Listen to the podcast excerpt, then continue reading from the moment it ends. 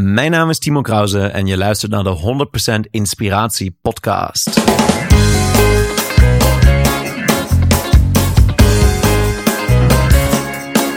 Hey, wat goed dat je luistert. Hij staat weer voor je klaar. Je wekelijkse dosis inspiratie is weer daar. De allerleukste gasten geven al hun kennis prijs. Met je veel te blije host, hij praat je bij. Zijn naam is Thijs. Thijs,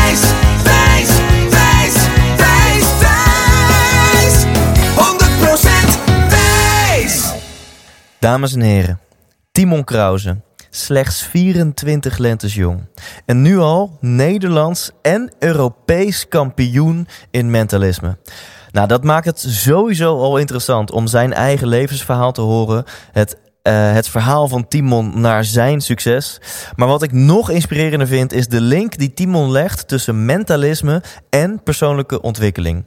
Zo ga je bijvoorbeeld in deze aflevering een methode leren om makkelijker en sneller patronen bij jezelf te doorbreken. Sterker nog, ik durf te beloven dat je na deze aflevering nooit meer s'avonds op de bank zult grijpen naar een zak chips. Ja, ja. En we gaan het ook hebben over hoe je van je telefoonverslaving af kunt komen. Dus zowel een tof interview om erachter te komen hoe je op hele jonge leeftijd succesvol kunt worden.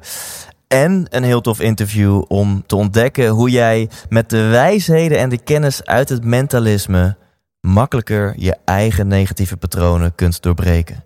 Klinkt misschien een beetje mysterieus en dat is het ook. Hier is Timon Krause. 100% Thijs.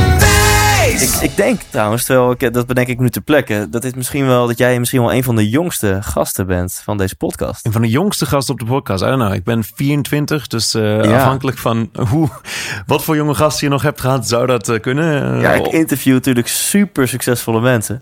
En eh, ja, meestal duurt het wel een tijdje voordat mensen daar zijn. Dat klopt. Vaak heeft het natuurlijk met consistency te maken waar de mensen komen en eh, dat ze echt volhouden en doorgaan met hun ding. Maar alleen maar leeftijd hoeft natuurlijk niet per se succes wel of niet aan te tonen. Nee, true, true. En we kunnen het ook eh, over hebben hoe definieer je succes. Hoe definieer je Eh, succes? Of zijn er oude mensen die on- onsuccesvol zijn? Of misschien nog veel jongere mensen die veel succesvoller Exactly. zijn? Dat zal er ook zijn. We gaan het in elk geval lekker hebben over jou, over Timon Krause, over jouw succes. Laten we het noemen jouw passie. Dat klinkt veel mooier. Ja, vind ik ook. En ik, eh, ik zei net heel stoer, ik heb geen vragen. Dat is een beetje een leugen, want ik heb, ik heb één vraag. En daar Eén begin ik mee. vraag, go. Dat, dat is de enige voorbereide vraag. En dat is, Timon, eh, wat wil je worden als je later groot bent? Wat wil ik worden als ik later groot ben? Ik eh, ben al vrij groot met 1,94 meter natuurlijk, maar daar vraag je niet om. Mhm. Dus nu heb ik even tijd gekocht. Ik wil paleontoloog worden. Een, een hoe? Een paleontoloog. En dat is... Dat is iemand die dinosaurusbotten uitgraaft. En dat is al mijn droom geweest sinds van kinds af aan. Ik ben eh, gefascineerd door dinosaurussen. Ik vind, eh, ja, ik vind het gewoon, mag ik zweren? Ik vind het fucking nice. Gewoon eh, dinosaurussen zijn, mag ik zweren? I don't know. Mag je dat Oh, je zeggen? mag Ja. schelden hier, bedoel je? Ja, ja, zeker. Ja, Ja, ja, oké. Ja, schelden. Swear. Ja, Can I swear? ja. Schelden, soort van. Maar dinosaurussen, gewoon geweldig. Jurassic Park, de, de films van mijn kindheid. Ik weet nog dat ik met mijn vader naar het Natuurkundemuseum in Berlijn ben gegaan. En we zagen de, het skelet van een Brachiosaurus. Dat is die dinosaurus met een hele lange nek. En ik keek die dinosaurus aan en ik was puur van wauw. En dat is een herinnering die me altijd is bijgebleven. En sindsdien wilde ik paleontoloog worden. En dat wil ik eigenlijk stiekem nog steeds. Wauw. Ga je daarmee zeggen dat je dat misschien wel grager wil worden, liever wil zijn dan mentalist? Nee, paleontoloog is iets dat ik wil worden. En mentalist of artiest is iets dat ik leef. Dus dat is iets waar, zonder wat ik ook niet kan leven. Het is meer adem en hartslag. Maar paleontoloog zou ik gewoon heel nice vinden om te doen. Ja, om naar de oké. woestijn te gaan en potten uitgraven. En, en denk je, dit wordt zo'n dingetje dat ga eigenlijk altijd soort van ergens op een lijstje staat of in mijn hoofd speelt? Of denk je echt, als ik over twintig jaar Timon Krause interview, dat jij dan zegt, nou, ik ben part-time paleontoloog? Ik denk niet dat ik parttime paleontoloog zal zijn. Volgens mij gaat er ook vrij veel tijd in zitten Ja, om, dat, ja. om dat te doen. En ik ben niet zo van, van de hitte. Ik hou wel van zomer en zon, maar ik ben Ja. niet van eh, bij de 42 graden ergens in Nevada in de woestijn zitten en eh, botten uitgraven. Ik ben wel continu bezig met de nieuwste research lezen over dinosaurussen. Dus ik heb eh, paar dagen geleden nog een nieuw boek gekocht. Dat nu nieuw geëdit werd over wat ze denken, hoe die dingen leefden. En hoe ze bewogen. En of ze koud of warmbloedig waren. En daar ga ik me over de volgende weken dan weer in verdiepen. Dus dat is wel iets waar ik me altijd uh, in verdiep. En je kan er eigenlijk uh, niets mee, denk ik. Ik bedoel, het is niet iets wat je praktisch kan toepassen nu buiten in de wereld. Ik vind het wel heel leuk. Dus. Jij bent wel echt een uh, spons voor informatie, of niet? Een spons voor informatie, ja. Ik bedoel, als je, nou ja, dat kunnen we nu op de podcast niet zien, maar als jij naar links draait en ik naar rechts, dan zien we daar. Uh, dus 1, 2. Een boksbal. Een boksbal, ja. Maar achter die boksbal zien we vijf kasten en die zijn uh, top to bottom gevuld nee. met boeken over alle thema's. Eigenlijk alles uh, wat ik interessant vind. Dus ik... Wat wel cool is om te vertellen dan, want mensen kunnen dit inderdaad helaas niet zien. Maar ik heb ooit Jelle Derks geïnterviewd. Dat is mm -hmm. geïnterviewd. In Nederland is hij een hele bekende minimalist. Oké. Okay. En ik kwam hier in jouw huis en ik zei van, oh, best wel minimalistische levensstijl, of niet? En dat is ook wel een bewuste keuze van jou, vertelde klopt, je? Klopt, dat is een bewuste keuze sinds twee jaar. Twee jaar geleden eigenlijk stond mijn kamer helemaal vol. En ik las een boek over minimalisme. Uh, Goodbye Things, van een Japanse auteur. Ik weet even zijn naam niet. Goodbye Things. En uh, het boek heeft, denk 180 pagina's. En ik las de eerste 20... En dat is het enige wat ik van het boek heb gelezen. Maar dat was het idee van, je kunt ah. ook dingen wegdoen. En het is bevrijdend om dingen weg te doen. En je kunt ook dingen die je cadeau hebt gekregen van mensen die je niet wilt eigenlijk, kun je ook weggeven of wegdoen. En binnen één week letterlijk is alles eruit gegaan. Heb ik mijn bed vervangen door een Japanse futon, dus een matras die op de grond ligt. Alles ging eruit. Mijn twee huisgenoten hebben me voor gek, voor gek verklaard. Die zeiden van, oh, uh, maar het gaat toch ongezellig zijn? Of weet je zeker? Ja. in één week alles eruit en het is zo gebleven sindsdien. En wow. uh, het is bevrijdend. Ik vond het echt fantastisch om al die dingen los te laten die zich ook over jaren ja. hebben aangezameld. En het, een van de dingen van minimalisme is natuurlijk alle shit eruit wat, wat onbelangrijk is. En al helemaal als het vervuilend is en, en Chinese meuk. Maar dingen die bij jou passen, die jij wel echt belangrijk vindt in het leven. Ja, besteed daar gewoon nog steeds je geld aan, aan uit. En dat heb jij dus gedaan door hier gewoon vijf kasten vol met boeken te hebben. Precies, die kasten met boeken had ik al daarvoor. Uh, ik neem aan dat ze zich over de volgende, de laatste twee jaar nog meer hebben gevuld, maar die ja. had ik al daarvoor, ja. Maar hoe ik minimalisme invul, inderdaad, is dan ook niet zo min mogelijk te hebben. Zeg maar, ik heb meer t-shirts dan ik technisch nodig zou hebben. Je kan, ja. je kan vast met twee of één t-shirt door de ja. dag komen. Of door je leven komen. Um, maar het gaat mij nu erom te zeggen... ik heb alleen maar dingen die ik nodig heb. Of dingen die ik echt regelmatig gebruik. Dus onder andere voor mijn werk. Of dingen die mij intens gelukkig maken. Zoals verschillende instrumenten die ik ook regelmatig gebruik. En waar ik echt geluk uit trek. Ja, ja. En even één vraagje dan, want ik ben super nieuwsgierig. Ik zit nu te kijken naar dat mooie Japanse matras. Dus jouw bed is dus gewoon echt, dames en heren, hij ligt niet. Jouw bed is een matras. Mijn bed is een matras, ja. Een futon, die is gemaakt van uh, uh, cotton, baumwolle. Uh, hoe noem je dat? Cotton. Ja, katoen is dat. Katoen, ja, ja. katoen inderdaad. Ja. Het is gemaakt van 100% katoen en je kan hem dus samenvouwen inderdaad. En deze is nog vrij dik voor een futon. Ze zijn eigenlijk wat dunner, dan kun je ze ook samen rollen. En hoe ligt het? Goed, je mag hem straks best testen als je wilt. Hij ligt echt fantastisch. Dus het is gewoon een harde matras eigenlijk. Wow. Eens per jaar hang je hem buiten op het balkon voor een uur uh, of een, enkele uren in de zon. Dan blaast hij of laat hij zich weer soort van op. Dan wordt hij weer wat verfrist of zo. Maar ligt fantastisch. Mijn wow. vriendin als hij hier naartoe komt zegt ja, ik slaap nergens zo goed als uh, op deze matras. Ja. Dus cool, ik denk dat ik, ik mijn leven lang op futons zal blijven slapen. Ja, ik vind het tof. Dat is al gewoon een teken dat je hele bewuste keuzes maakt. Uh, wat je bijvoorbeeld net ook zei, je probeert. bent u, ja, je probeert. Nou, heel ja. eerlijk, ik zit in een vegan maand.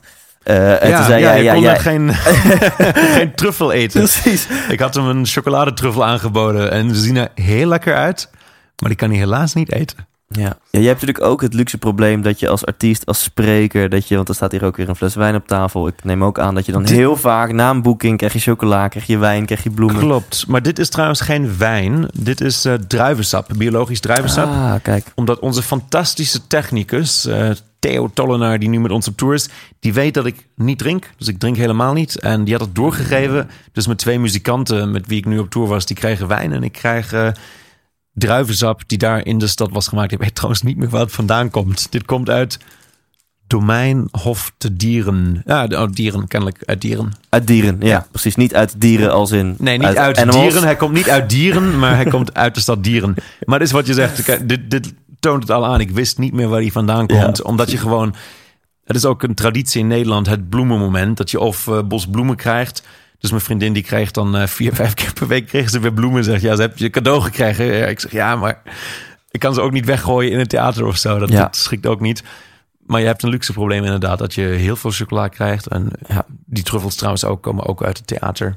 Ja, dus even voor de duidelijkheid trouwens voor de luisteraars. Jij zit midden in of na bijna klaar ben je met een tour van 65 shows. Theatershows in heel Nederland. Ehm, en ehm, ja, dat, dat doe jij als mentalist. Die droom die is ooit ontstaan. Hè? Dus behalve, ik ga het nog één keer proberen uit te spreken. Paleont, paleontoloog. Paleontoloog. Paleontoloog, Ja, perfect. Eh, is er ook ergens bij een kleine Timon, neem ik aan, Ja. de passie ontstaan voor mentalisme. Kan je ons eens meenemen Klopt. naar dat moment? Nou, dat moment, ja, zeker. Eh, ik denk er vaak aan terug. Of ik vertel het tenminste vaak. Dus eh, ik denk er ook vaak aan terug. Ja. 12 jaar eh, in een pretpark in Duitsland. In de Warner Brothers Movie World. En daar was een hypnotiseur die een hypnoseshow deed. Heel klassiek met 20 mensen op het podium. En ze gaan allemaal slapen. En dan gaan ze eh, onzichtbare instrumenten spelen. Of ze gaan in eh, limoen bijten. En ze denken dat het, of een aardappel bijten. En ze denken dat het een appel is. Of ze beten in een citroen. En ze denken dat dat een, eh, een, een heerlijke appel is.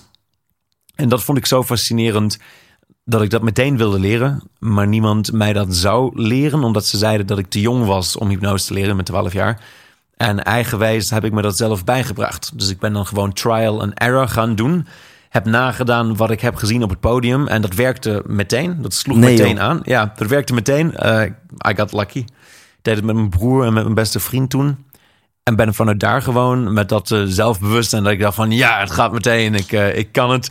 Ben ik doorgegaan, vier jaar lang trial and error, totdat ik naar Nieuw-Zeeland kwam voor een exchange year. En daar een mentor vond, Richard Webster, die mij dan systematisch dingen ging leren. En die me ook hielp, me eerste, hielp mijn eerste boek te schrijven en te publiceren. En eh, daar kwam eigenlijk die droom voort in Nieuw-Zeeland dat ik dat professioneel wilde doen. Wauw. Maar de fascinatie ontstond toen ik 12 was. En die jaren dan tussen je twaalfde en je zestiende, toen ben je het jezelf gaan aanleren. Ja. Eh, dat, dat, dit klinkt als iets onmogelijks om jezelf je aan te leren. Dat je toch echt de boeken en de internetsites en de tips nodig hebt. Ja, ik denk zo'n twee jaar of zo dat ik erin zat, kwam er één boek. Nee, joh. Die Hohe Schule der Hypnose. Van Ah. eh, Kurt Tepperwein, zo heette die. Dat was, eh, was een Duitse auteur. Kurt Tepperwein, Die Hohe Schule der Hypnose. Dat was het enige hypnoseboek dat ik las. Heel outdated. Ik heb hem een jaar geleden of zo nog een keertje in mijn hand genomen. Ik dacht van holy shit, het slaat er eigenlijk nergens op. Maar ik had er een soort van intuïtie voor of zo. Dat ik tenminste, ook al kon ik niet aantonen hoe zo die dingen werkten, kon ik wel in de juiste flow komen en de juiste dingen zeggen om het te laten werken. En later heb ik dat natuurlijk onderbouwd dan met de theorie en echte Ja. boeken en met mensen in uitwisseling gegaan en daar echt me in verdiept en de theorie daarachter geleerd. Dus dan de theoretische onderbouw eigenlijk op de praktijk laten volgen. Ja. Ik heb een, een paar maanden geleden Edwin Selei geïnterviewd. Die heb Oh ja. jij heel kort ook ontmoet tijdens ja, de ja. benefietavond van Rocking Up Christmas. Hij is ehm, eh, hy- hypnotherapeut, dus hij is meer de, de Klopt. therapeutische route opgegaan. Eh, maar hij vertelde dat, dat, ja, dat eigenlijk iedereen het kan leren om, om te hypnotiseren. Ja. En dat het bijna niet voorkomt dat mensen er zo'n aanleg voor hebben dat je dus, ja, bij wijze van spreken met één knip in je vingers mensen kan hypnotiseren. Zit Klopt. tegenover mij zo iemand met wel zo'n, eh, I got lucky, zei je. Heb jij wel zo'n uitzonderlijk talent? Het is natuurlijk moeilijk over mezelf te zeggen dat ik uitzonderlijk talent heb. Uh, ik heb wel een hele hoge, en uh, ook met collega's als ik het vergelijk, een hele hoge succesrate. Zowel in de therapie met hoe de uitkomst eruit ziet, als ook op het podium. En uh, ik heb daarom ook mijn format gewisseld op het podium. Wat klassiek natuurlijk wordt gedaan bij een stage show, is dat ze twintig mensen pakken. En dan uh, proberen ze ze allemaal te hypnotiseren. En inderdaad, tien daarvan gaan dan in een formele trance. Um, het inslapen is niet hypnose. Dat heeft eigenlijk niet veel met trance te maken. Maar goed, dat gaat dan wat, wat dieper daarop in. Um, maar twintig mensen, of, of, de helft van de mensen reageert meteen zoals de hypnotiseur wil dat ze reageren. Tien mensen worden weer het podium afgestuurd. Inderdaad, omdat de meesten niet het aanleg hebben of dat het Ja. niet werkt. Dat iedereen met een knip in trance gaat. En ik heb het veranderd omdat ik dat niet mooi vind theatraal. Om mensen het podium op te halen en dan twee minuten later weer weg te sturen. Ja. Dus doe ik nu met één enkel persoon. En we hebben over de laatste 65 shows gewoon een 100% succesrate gehad. Daarmee. Ze hebben allemaal de hypnotische fenomenen geproduceerd waarvan ik wilde dat ze dit produceerden. Tot en met naam vergeten en uh, niet meer hun lichaam kunnen bewegen. Eigenlijk alles wat je in En- een klassieke show ziet. En heb jij toestemming van zo iemand nodig? Of kan jij mensen hypnotiseren die geen toestemming hebben gegeven? Het gaat niet om toestemming, maar meer om aandacht. En vaak gaan die dingen natuurlijk samen. Ja. Ik heb de aandacht van een persoon nodig. Dus Ja. heel plat gezegd, als iemand oormoffen op heeft en een blindfold Ja, en ja. me niet kan zien, dan kom ik helemaal niet bij hun. Dus dan kan ik niets Ja. doen. Maar zodra de persoon mij hun aandacht geeft en de focus legt waar ik een vraag om de focus te leggen, gaat het sowieso werken. En dat is dan natuurlijk ook een vorm van toestemming, want anders doe je dat eigenlijk niet. Maar er komt een, een, een ehm, controleur, hoe heet dat in de trein? Iemand die kaartjes controleert? Ja, een, een Een controleur, denk ja ik. toch? Ja. Er komt een controleur de, de, de, de trein ehm, coupé binnen en die wil jouw kaartje controleren. Die kijkt jou dus aan. Die heeft een momentje van connectie met jou, want hij Ja. wil jouw kaartje. Die heeft natuurlijk niet gezegd, hey, jij bent Timon, wat leuk, hypnotiseer mij maar. Maar zou jij die man of vrouw in dat momentje van aandacht kunnen hypnotiseren? Ja, een soort van, dus een soort van challenge situation. Ja, nu, nu moeten we even om het antwoord. Het antwoord is ja, maar om het antwoord nog uit te bouwen, moeten we even twee, twee kanten opgaan. Um, ik denk dat wat jij nu vraagt is: zou jij dat persoon op dat moment in een formele trance kunnen brengen, zoals we die op televisie zien, dat je zegt slaap en hij valt zogenaamd in slaap? Dat kan. Um, ik heb het geprobeerd ook op straat. Ik heb het ooit ook opgenomen. Ik heb het, het is me gelukt met één enkele inductie. Een inductie is een techniek waarmee je iemand in een formele trance leidt. Het is me maar met één enkele inductie gelukt om dat te doen. En dan ook in, ik denk, 30% van de gevallen of zo. Dus dan zit de success rate niet heel hoog. En in de andere gevallen is het gewoon echt heel awkward. Omdat die mensen dan zeggen, eh, wat de fuck ben je aan het doen? Ja. Waar ben je mee bezig? Kan, kan je een tipje geven van wat, wat, wat is die inductie dan? Welke techniek Ja. pas je dan toe die dus wel een success rate heeft Ja. van, van 1 op de 3? Die, die inductie is een handshake interrupt. Gebruiken sommige hypnotiseurs heel graag, anderen niet. Omdat het, eh, ik heb een collega met die ik hypnose cursussen gaf. Hij eh, heeft er helemaal niks mee. Ik vind het de fijnste inductie om te doen. Hij heeft timing nodig, een goede pacing. Je moet er goed in de flow voor zitten. Maar wat je doet, is dat je een onbewust uitgevoerd patroon, gedragspatroon, onderbreekt. Zodra je het onbewust geleerd en uitgevoerd patroon onderbreekt, moet het persoon bewust gaan reflecteren en gaan zoeken naar hoezo dat patroon is onderbroken. Ik leg zo uit hoe dat er in de praktijk uitziet. En is op dat moment open voor suggestie. In de praktijk ziet het eruit als ik jou, als ik mijn hand naar je toe steek en zeg: Hi, ik ben Timon. Dan ga je Ja. automatisch je hand geven en je zegt: Hi, ik ben Thijs. Ja. En je gaat je voorstellen: Dit is ons aangeleerd. Dat is een onbewust gedragspatroon. Bij een hypnotische inductie kan ik dus dan zeggen: Hi, ik ben Timon. Ik steek mijn hand uit. Ik wacht totdat jij je hand uitsteekt. Trek op dat moment mijn eigen hand terug. Dus op dat moment is het patroon verbroken. En ga vanaf daar de inductie in. Dus dat is eigenlijk hoe je dat. eh, En pak je dan, ik heb hem wel eens bij Darren Brown gezien en dan pakt hij ook meteen diegene's arm op een andere plek. Doe je Precies, dat ook? ik pak een hand. Ik, ik, ik- ja, ik geef Ja, ik zeg, ja. ik ben Timon, ik trek mijn hand weg en ik Ja. pak je pols op een andere plek. Oh ja, ja. En ik leid jouw aandacht op dat moment, omdat ik jouw focus wil houden. Ik leid jouw aandacht naar je andere hand. Dus ik zeg, look at this spot right over here, bijvoorbeeld. Je, je knalt er meteen een commando in van hey, ik knal er meteen kijk een commando van in, precies. Want ze zijn op dat moment een soort van confused. Ze zoeken naar hoezo is dit patroon verbroken. En op dat moment ga ik meteen mijn commando's volgen. Dus ik zeg, kijk naar die hand, luister naar mijn stem. Let erop hoe jouw ogen langzaam focus veranderen. En hoe het langzaam moeilijker wordt om je ogen open te houden. 3, 2, 1 en slaap. En Oh, die dat shit. is eigenlijk hoe lang het duurt. Maar En- goed, dat, dat, dat, ja, dat ja, is- dit- dat is ik vind het fucking fascinerend. Het is super fascinerend. Ja, Dus ik vind het, zeg maar, is ook mijn grootste passie in mentalisme is Ja. hypnose. Ook omdat ik daar mijn wortels heb. Maar ook omdat dat puur tussen twee mensen gebeurt. Daar zit niets anders ertussen dan puur de menselijke interactie. En het is het dichtste dat ik ooit bij echte magie ben gekomen. Is gewoon iedere keer denk ik weer van holy shit. Dit werkt echt. Ja. Letterlijk elke keer dat ik het doe denk ik van oh my god.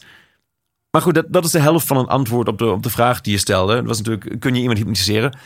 Dat kan op een, met een formele trance.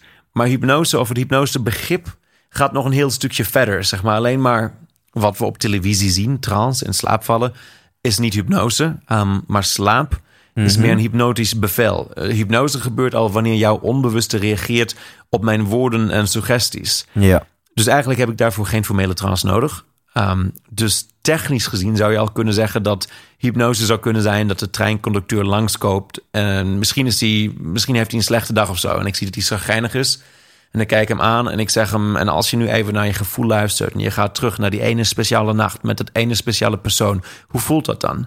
En dan zal het persoon introspectief gaan kijken... en gaat die message die ik net gaf invullen voor zichzelf... En eventueel gaat hun, eh, gaat hun mood dan naar boven weer. En dat is ook hypnose.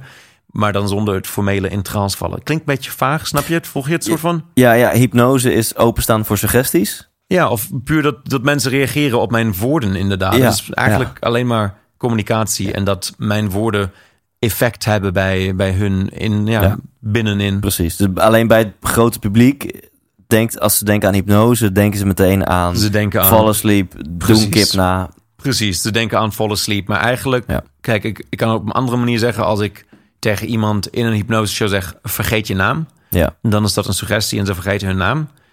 Maar slaap of val in slaap is een suggestie van hetzelfde level. Ja. En ze reageren op die suggestie. Ja. Maar de hypnose gebeurt al daarvoor... wanneer zij openstaan inderdaad en mijn suggesties aannemen. nu is alleen nu is een skill om tegen je vrienden te zeggen: hey, denk eens aan het goede moment, die ene vakantie, of toen met je vriendin, of toen je zo trots op jezelf was. Dat kunnen we allemaal, dat kennen we. Die. Dat level van suggesties geven en opvolgen. Maar het level Tuurlijk. wat jij kan en jouw collega's kunnen, dat vinden we met z'n allen zo fascinerend. Want dat kan de gewone mens niet. Tuurlijk, en daar gaan natuurlijk dan heel veel, heel veel technieken bij elkaar komen... waar ik zorg dat ik jouw belief system snap... en ik ga me inklinken in jouw belief systems... en Ja. ik ga zorgen dat mijn communicatie perfect is afgestemd... op de communicatie die jij op dat moment nodig hebt. Maar eigenlijk doen we allemaal continu hypnose. Een Ja. ander voorbeeld is eh, misschien een... eh, even terugdenken... Misschien heeft een kind een alcoholische moeder. Of nou, misschien, heeft een, misschien heeft een kind een vader. En iedere keer dat het kind nee zegt, gaat die vader het kind slaan en zegt: eh, Je mag nooit nee tegen mij zeggen. En vanwege een emotionaal geladen situatie en de suggestie die hij op dat moment geeft: Je mag nooit nee tegen mij zeggen. Gaat het kind dan later in hun leven, ah, misschien is dat een vrouw en ze gaat met iedere man naar bed. En ze kan nooit nee tegen seks zeggen. Ook al wil ze het eigenlijk helemaal niet, gaat ze iedere keer ja zeggen. Omdat die eigenlijk hypnotische suggestie nog steeds in hun, in hun Ja. gedragspatroon verder werkt. En zo hun hele leven bepaalt. Ja. We doen dus allemaal de hele tijd in ons dagelijks leven hypnose en voeren hypnotische transacties uit. En het enige wat ik doe is dat ik dat bewust doe en die transacties kan herkennen. En voor het voordeel van de mensen kan gebruiken of kan veranderen. Ja, en zie daar denk ik ook de link tussen hypnose en persoonlijke ontwikkeling. Want je Precies. kan ook hele eh, effectieve patronen doorbreken. Of in elk geval op een effectieve manier patronen doorbreken. Precies, op een Eh, effectieve manier patronen doorbreken of patronen transformeren Ja. juist naar iets wat healthier is. Ja, precies. Ehm, nog even op het podium wat je zegt tijdens jouw shows. Omdat jij dus zo goed bent, dan zeg ik het maar eventjes. Wat je het voor jezelf natuurlijk ongemakkelijk vindt. Heb jij een score van, van 1 uit 1 of 65 uit 65 nu? Zover, ja. Eh, en jij zegt, die persoon op, op het podium doet alles ja, wat ik wil dat diegene doet. Wat, wat, wat kan je daar een, een, een, ehm, eh, iets over delen? Wat, wat is dat Tuurlijk. We doen in Mind Games, zo heet de, show Ja. die we naar toeren, doen we een vrij kort hypnose set, dus 20 minuten of zo. Je zou er een hele show mee kunnen vullen, maar Ja. 15 à 20 minuten, een beetje afhankelijk van de vibe. Ja, Ehm, standaard begint het met het persoon eh, dat ze hun arm en hun ogen niet meer kunnen bewegen. Dat ze daarna vastgeplakt staan aan de grond, dus ze kunnen hun lichaam niet meer bewegen. en is het, eh, vraag je wie om naar voren te komen of wijs jij iemand aan? Ik wijs iemand aan. Wauw. Dus ik heb er een gevoel voor ontwikkeld tot een bepaald punt ook. Uh, we doen het ook ongeveer op het midden van de show. Sorry, we doen het ook op het midden van de show. Dus dan Ja. ken ik het publiek ook al een beetje en kan ik wat mensen kiezen. En dan wees ik één persoon aan, die komt naar voren en eh, dan gaan we. Maar ik laat hun dus hun, hun arm vaststaan, dus ze kunnen hun arm niet meer bewegen. Daarna hun ogen niet openen. Daarna staat hun hele lichaam vast, dus ze kunnen hun lichaam niet meer bewegen. Ze staan vast als een statue. Daarna, soms als we de tijd hebben, laat ik hun dingen vergeten. Dat is het getal 4 vergeten. En daarna, en dat is een beetje ons paradepaardje ook in Mind Games, ons hypnotisch paradepaardje, heb ik een, eh, een stad opgeschreven op een krijtbord. Ja. persoon sluit hun ogen. Ik ga ver weg van hun staan en ze gaan voorstellen dat ze naar een stad reizen, ergens op de wereld. En ze zeggen op een gegeven moment: Kijk, ik ben nu terechtgekomen in, eh, in Londen bijvoorbeeld, of in Singapore. En dat is inderdaad de stad die dan op het krijtbord staat. Dus dat is een soort van mystische suggestie waar ook niemand Ja. in het publiek dan snapt waar dat ineens vandaan komt. Dus jij hebt met subliminal messaging heb jij ze gemasseerd naar Londen of Singapore of Brussel. soort van, ja, Ja, maybe, of, maybe, ja, maybe, maybe. soort van, een Ah. beetje die kant op, maybe. Wat, wat, Zoals ik zei, dat is, dat is een beetje ons paradepaardje dat ook eh, collega's Eh, heel erg oh, onder echt? indruk zet. Oh, ja. echt? Ja, dat is een van de. Je noemt het onder, Ja. onder magicians of onder mentalisten noem je het een fooler. Dus dat het Ja. ook collega's voelt of onder de indruk zet dat zij niet weten hoe het werkt. Ja. Dat is natuurlijk extra mooi. En jij hebt natuurlijk ook wel eens te maken met mensen die mega gefrustreerd zijn of gewoon ervan overtuigd zijn dat het een acteur was. Ja, die mensen Eh, krijg je hoe, wel. Hoe, ja, hoe ga je daarmee om? Ik bedoel, je gaat het altijd blijven hebben. Ook vooral in televisie heb je het altijd. Mensen zeggen, oh, dat was afgesproken. Het was een act. Um, de- en ze, ze verzinnen ook de gekste verklaringen op dat moment. Ze komen met allerlei verklaringen hoe we dat dan samen hebben gedaan. Ik denk van, nou, ik wou dat ik dat had bedacht, want dat is veel makkelijker. En dan, eh, nou, dan ga ik vanaf nu wel een acteur komen erbij. Eh, niet, niet echt. Um, ik geloof dat als mensen op het podium de reacties van mensen zien, vooral in live entertainment, en ze zien een genuine reaction, dus ze Ja. zien dat de persoon echt verbaasd is, echt plezier heeft, dan snappen ze een soort van intuïtief, tenminste de meeste, dat het geen acteur is. Ze zien echt dat een echte emotie op dat moment gebeurt. Het is echt verbaasd zijn of verrast zijn dat het heeft gewerkt. Maar je blijft die mensen altijd houden. Um, ik kan dan wel, als ik naar buiten ga en iemand zegt, oh, ik geloof het niet, dan kan ik wel iets bij hun doen. Maar die mensen die het echt niet willen geloven, gaan het ook dan niet geloven. Dan doe ik iets bij Ja. hun. En dan gaan ze ook dan nog zeggen: Oh, er stond iemand achter mij die jou heeft zich Ja. gesignaliseerd. Of I don't know. Dus ik ben eigenlijk denk van ja, Ja. als ze hoeven ten eerste niet van mij te geloven. Um, als ze zich vermaakt voelen, dan heb ik al mijn doel bereikt voor een groot gedeelte. Het is, het is entertainment, dus ik vraag vaak: Oh, maar heb je het leuk gehad? Ja, oké, prima. Dan heb je een leuke avond gehad, dan hoef je het ook niet te geloven voor mij. En uh, verder doe ik er niet zo heel veel aan. Als iemand echt niet wil geloven, dan is dat hun, hun keuze. Ja, en ik kan beamen bij de benefietavond van Rocking Up Christmas, waar jij bij Ja. was, uh, heb ik samen met ons team elk kaartje van die 500 kaarten verkocht. Dus ik Oh ja. weet zeker dat daar niemand ertussen zit uit jouw team of zo. Zaten alleen maar mensen die echt een kaartje hebben gekocht. ja, Ja, precies. Dus ik kan. Uh, ja ik mijn kan secretaris had het heel erg leuk die avond bij mij op podium. Wat zei je? Ik zeg, mijn assistenten had het leuk die avond. ja, Ze hebben precies. van mij die ticket gesponsord gekregen. Ja, dus- ja, ja, ja. Nee. nee. Nee. maar ook, kijk, als we in een zaal zitten van 300 man of zo. We hebben volgens mij in Mind Games in totaal 23 mensen die meedoen aan de show. Dus dan zit op dat moment de kans ook al vrij groot dat iemand iemand kende of naast iemand zit Oh ja.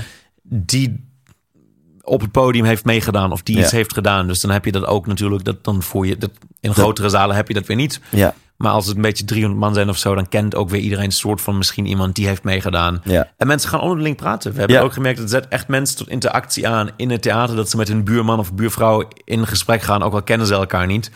En eh, daarover gaan reflecteren. Dus Ja. dat is ook heel mooi. Tof. En dan nog even terug naar de Timon van 16. Eh, Ja. Want eh, mijn passie nam het even over. En eh, eh, super tof. Ehm, toen heb jij, of, of vier jaar lang was je mee bezig met, met je verdiepen hierin. Ja. Je merkte dat je de aanleg voor hebt. En toen ontmoette jij in Nieuw-Zeeland jouw, jouw mentor. Inderdaad, Richard Webster. Ja. Eigenlijk een, een handlezer. Dus hij heeft 40 jaar lang geleefd van handlezen Ja. voor entertainment. En eh, heeft zich omhoog gewerkt van handlezen in een shoppingmall naar handlezen op eigenlijk de grootste VIP-events. En voor, voor de rijkste mensen en allerlei die eh, VIP-parties. En daar als exclusive guest Ja. de toekomst te voorspellen voor de mensen. En toen dacht jij, ik wil dit ook. Ik wil dit op professioneel niveau gaan doen. Eh, ik ga hier mijn beroep van maken. Precies. Ik was eh, ook weer met hypnose. Toen ik in Nieuw-Zeeland was, werd ik gesponsord door de Rotary Club. Ja? Als exchange jaar. En de Rotary Club waar ik daar zat, die waren een hele christelijke club. Dus ze waren heel religieus.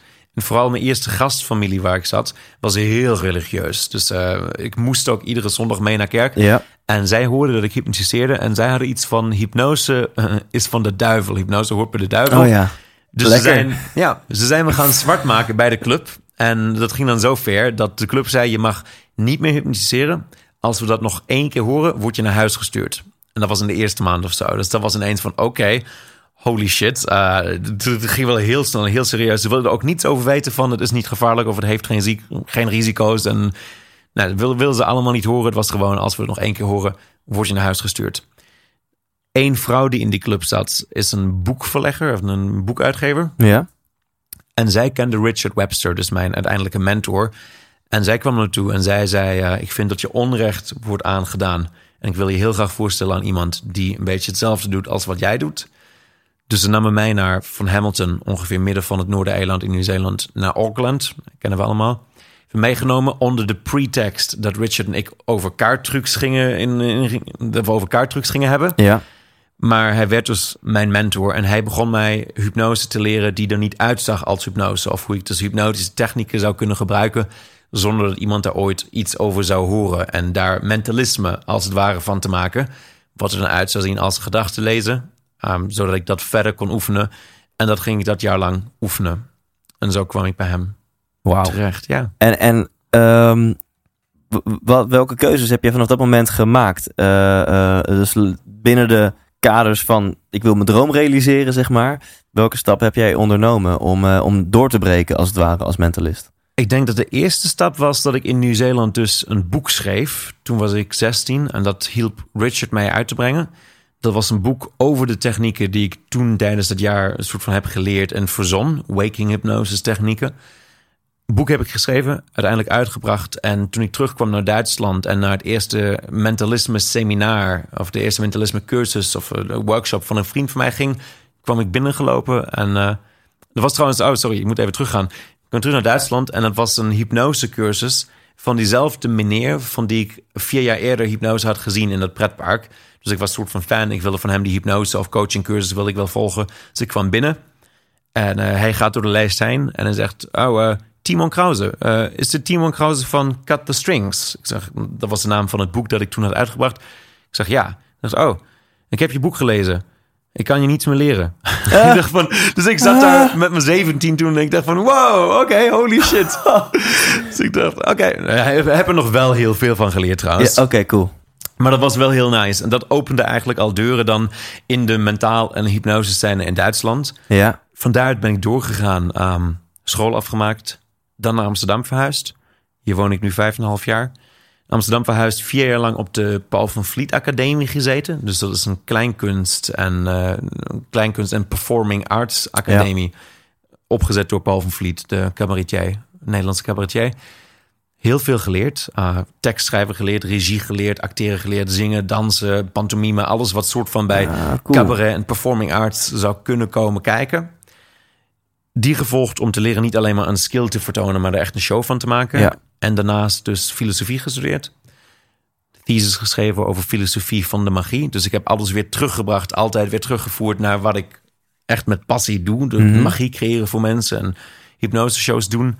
En van daaruit eigenlijk eh, alleen maar doorgegaan met, met nog meer stappen. Wat, wat heb ik gedaan? Oh, dat is, ik bedoel, wat zijn, wat, wat is een stap? Eh, ik Oh. ben Ja, anders even een vraag tussendoor. Ik wil je een paar keer zeggen magie creëren. En dan, Ja. dan zie, ik je, zie ik je shinen, zeg maar. Ja, Eh, wat wat kan, je, kan je iets vertellen over jouw fascinatie voor het creëren van magie?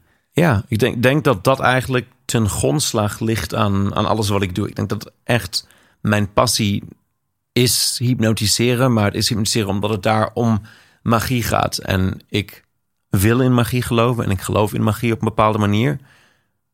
Als we teruggaan, dan uh, we leven in een wereld, tenminste in, in mijn filosofie, in mijn zicht, leven in een wereld waar alles wegverklaard moet worden bijna. Dus we, we hebben alle informatie die we kunnen hebben, hebben we at our fingertips met onze smartphones. We kunnen alles Ja. zo niet begrijpen, dan wel weten tenminste. We kunnen alles opzoeken. En het is bijna schandalig geworden voor mensen, of bijna taboe geworden dat ze zeggen: Ik weet niet hoe dat werkt. Het is bijna taboe geworden om te zeggen: Ik ben religieus. Ik merk het heel veel in mijn. Ik ben het zelf niet, maar ik merk het heel veel in Ja. mijn vriendenkring. Als iemand zegt: Ik ga naar de kerk of ik heb een geloof, dat mensen heel snel iets hebben van: Oh, nou, dat is niet meer echt van deze tijd. Of dat ze denken van, oeh, dat is Ja. een beetje... Volgens mij wil ik niet met jou bevriend zijn. Of ik zou niet met iemand in een relatie kunnen zijn die eh, religieus Ja, is. ja. En ik ben het daar niet mee eens. Uh, ook al heeft een filosofiestudie voor mij eigenlijk alle religie kapot gemaakt. Want Ja, eh, ja. je kan gewoon niet meer religieus zijn nadat je filosofie hebt gestudeerd. Ben ik het daar niet mee eens. Mensen zijn inherent op zoek naar iets dat groter is dan hunzelf. Ze hebben een verlangen naar iets dat mysterieus is. Iets dat niet verklaard kan worden. We willen naar de wereld kunnen kijken zoals kinderen. En we willen ons kunnen wonderen. We willen met wonder in de wereld kunnen staan. En dus die curiosity en de nieuwsgierigheid. En dat we naar de wereld kijken en we kijken naar de zon of een boom. En we denken, wauw, ik vraag me af hoe dat... Niet hoe dat werkt, maar ik, ik wonder erover. I'm wondering dat inherent aan het menselijke wezen is. En dat wordt bijna weggenomen van ons door ook mm, het wetenschappelijke paradigma. Waardoor ik niet wil zeggen dat het niet goed is. Het is fantastisch dat dat kan. Maar het is belangrijk om te kunnen wonderen. En dat is wat ik wil creëren voor mensen in mijn shows. Een moment, en dan in een safe theatrale setting... waar Ja. mensen kunnen zeggen...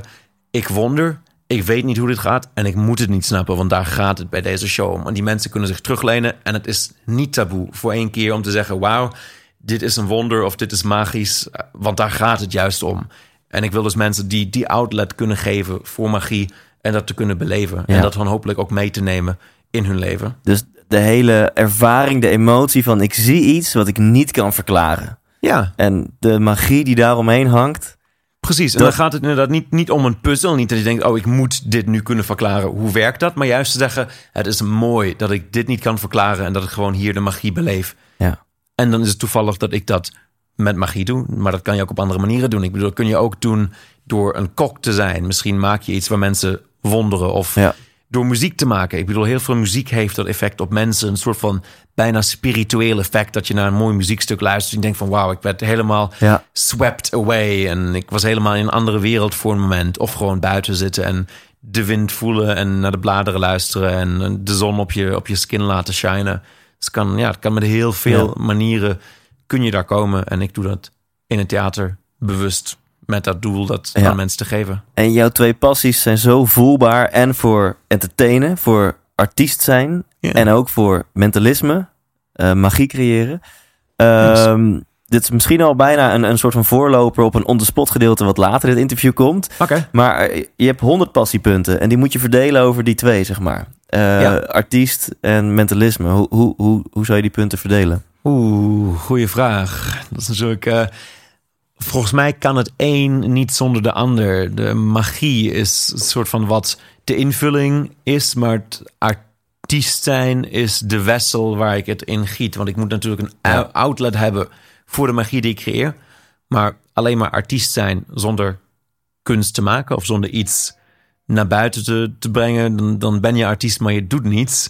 Dus dan moet ik ze 50-50 verdelen. Ja, of dan zou een hele vervelende vraag kunnen zijn. hè, je moet kiezen tussen artiest of mentalisme. Hè? Dus als je kiest voor mentalisme, kan je nog steeds mentalist zijn, maar als auteur of zo. Maar niet meer als artiest op het podium, Mhm. als een show. Maar je mag ook kiezen voor artiest. Mag je alles maar doen wat je wil op het podium, maar geen mentalisme. Ik ben die vraag nog, niet, nog nooit gesteld. Niemand heeft, wat een vervelende vraag. Dat is ik moet, moet Ja? er even op reflecteren. Ik moet er even over na gaan denken. Holy shit. Want dat is volgens mij echt zo'n vraag. Daarmee zou je me doormidden kunnen scheuren. Maar ik wil proberen om te beantwoorden. Ik zou alles mogen doen als artiest. Behalve mentalisme of behalve magie creëren. Want ik denk dat alle kunst die je maakt, dan, dan zou ik voor artiest Oh ja, kiezen. Want ja, alle precies, kunst die ja. je maakt kan wel mensen raken. En je kunt wel iets aan mensen geven. En het creëren van kunst, een outlet vinden. Dus dan, dan zou het voor mij zijn, oké, dan doe ik het niet als mentalist. Maar dan maak ik wel kunst. Dan heb ik wel een outlet voor de emotie die ik voel en voor de visie die Yes. ik heb. Maar als je zou zeggen, je mag als artiest geen kunst maken, dan, Ja, dat dan is zou ik zeggen, oké, nou, dan, dan, dan is het de vraag tussen wil je mentalist, auteur zijn of wil je gewoon eh, in een bureau gaan werken? Want dat is feitelijk wat een artiest is. Als je geen kunst Ja, maakt, dan ja, kun je ja, ook ja, net zo goed geen artiest zijn. En dan zou het weer mentalisme zijn. Ik snap hem, ik snap hem. En als we dan terugpakken naar jouw life story. eh, ehm, is er een moment waarop jij een soort van grote doorbraak had? Waarop je ineens merkte van dit is lift-off van mijn, van mijn carrière en eh, it's happening, weet je wel? Eh, Ja, maar niet zoals de meeste mensen zouden denken. Het is natuurlijk ook zo dat de, of alle overnight stories, overnight success stories, nooit een overnight success story zijn. Er zit heel veel jaren voorbereiding achter, vaak zelfs een plan hoe bepaalde stappen gezet worden en heel veel oefening. ja, Maar voor mij een defining moment was toen ik me aan het voorbereiden was. Het was een repetitiemoment. Maar het heeft alles veranderd voor mij. Ik was me aan het voorbereiden voor de Nederlandse kampioenschappen van de magie. Ja. Dus kampioenschappen in goochelen. En er zijn dan verschillende categorieën. En mentalisme wordt daarmee onder, onder, onder verpakt. Dus Ja, theatraal ja. mentalisme wordt daar ook gecampineerd. Ik was me aan het voorbereiden daarop. En ik zat met mijn choreograaf. Dus als ik werk Ja? en als ik een act maak, dan hebben we vaak een choreograaf erbij. Ook al dans ik niet, laat hij wel zien hoe je bepaalde bewegingen dan beter kan laten zien of beter kan uitvoeren. En die eh, Andreas, die zei op een gegeven moment tegen mij: Timon, je doet op dit moment, je doet het te serieus. En dat lag eraan dat ik op dat moment, ik was 19, 19, ja. Op dat moment nog een beeld had van een mentalist die heel mysterieus moest zijn en heel serieus Ah, ja. moest zijn. Een soort van in een. Ik had letterlijk een zwart gewaad aan, wat Oh, hem tot ja. de grond, zo'n matrix-achtige Oh, ja, ja. achtige jas, tot de grond ging en eh, zwarte handschoenen erbij en zo. Met 19, jochie. Ik begon ermee met 16, dus jochie van 16 en zo'n zwart gewaad. You can imagine. En ehm, ik dacht dus dat een mentalist heel mysterieus zou moeten zijn en heel serieus zou moeten zijn. Ik stond en ik vertelde over de ogen die de spiegel tot de ziel zouden zijn. Tot de diepste waters van je hart zouden we voordringen om jouw donkerste geheimen te ontrafelen.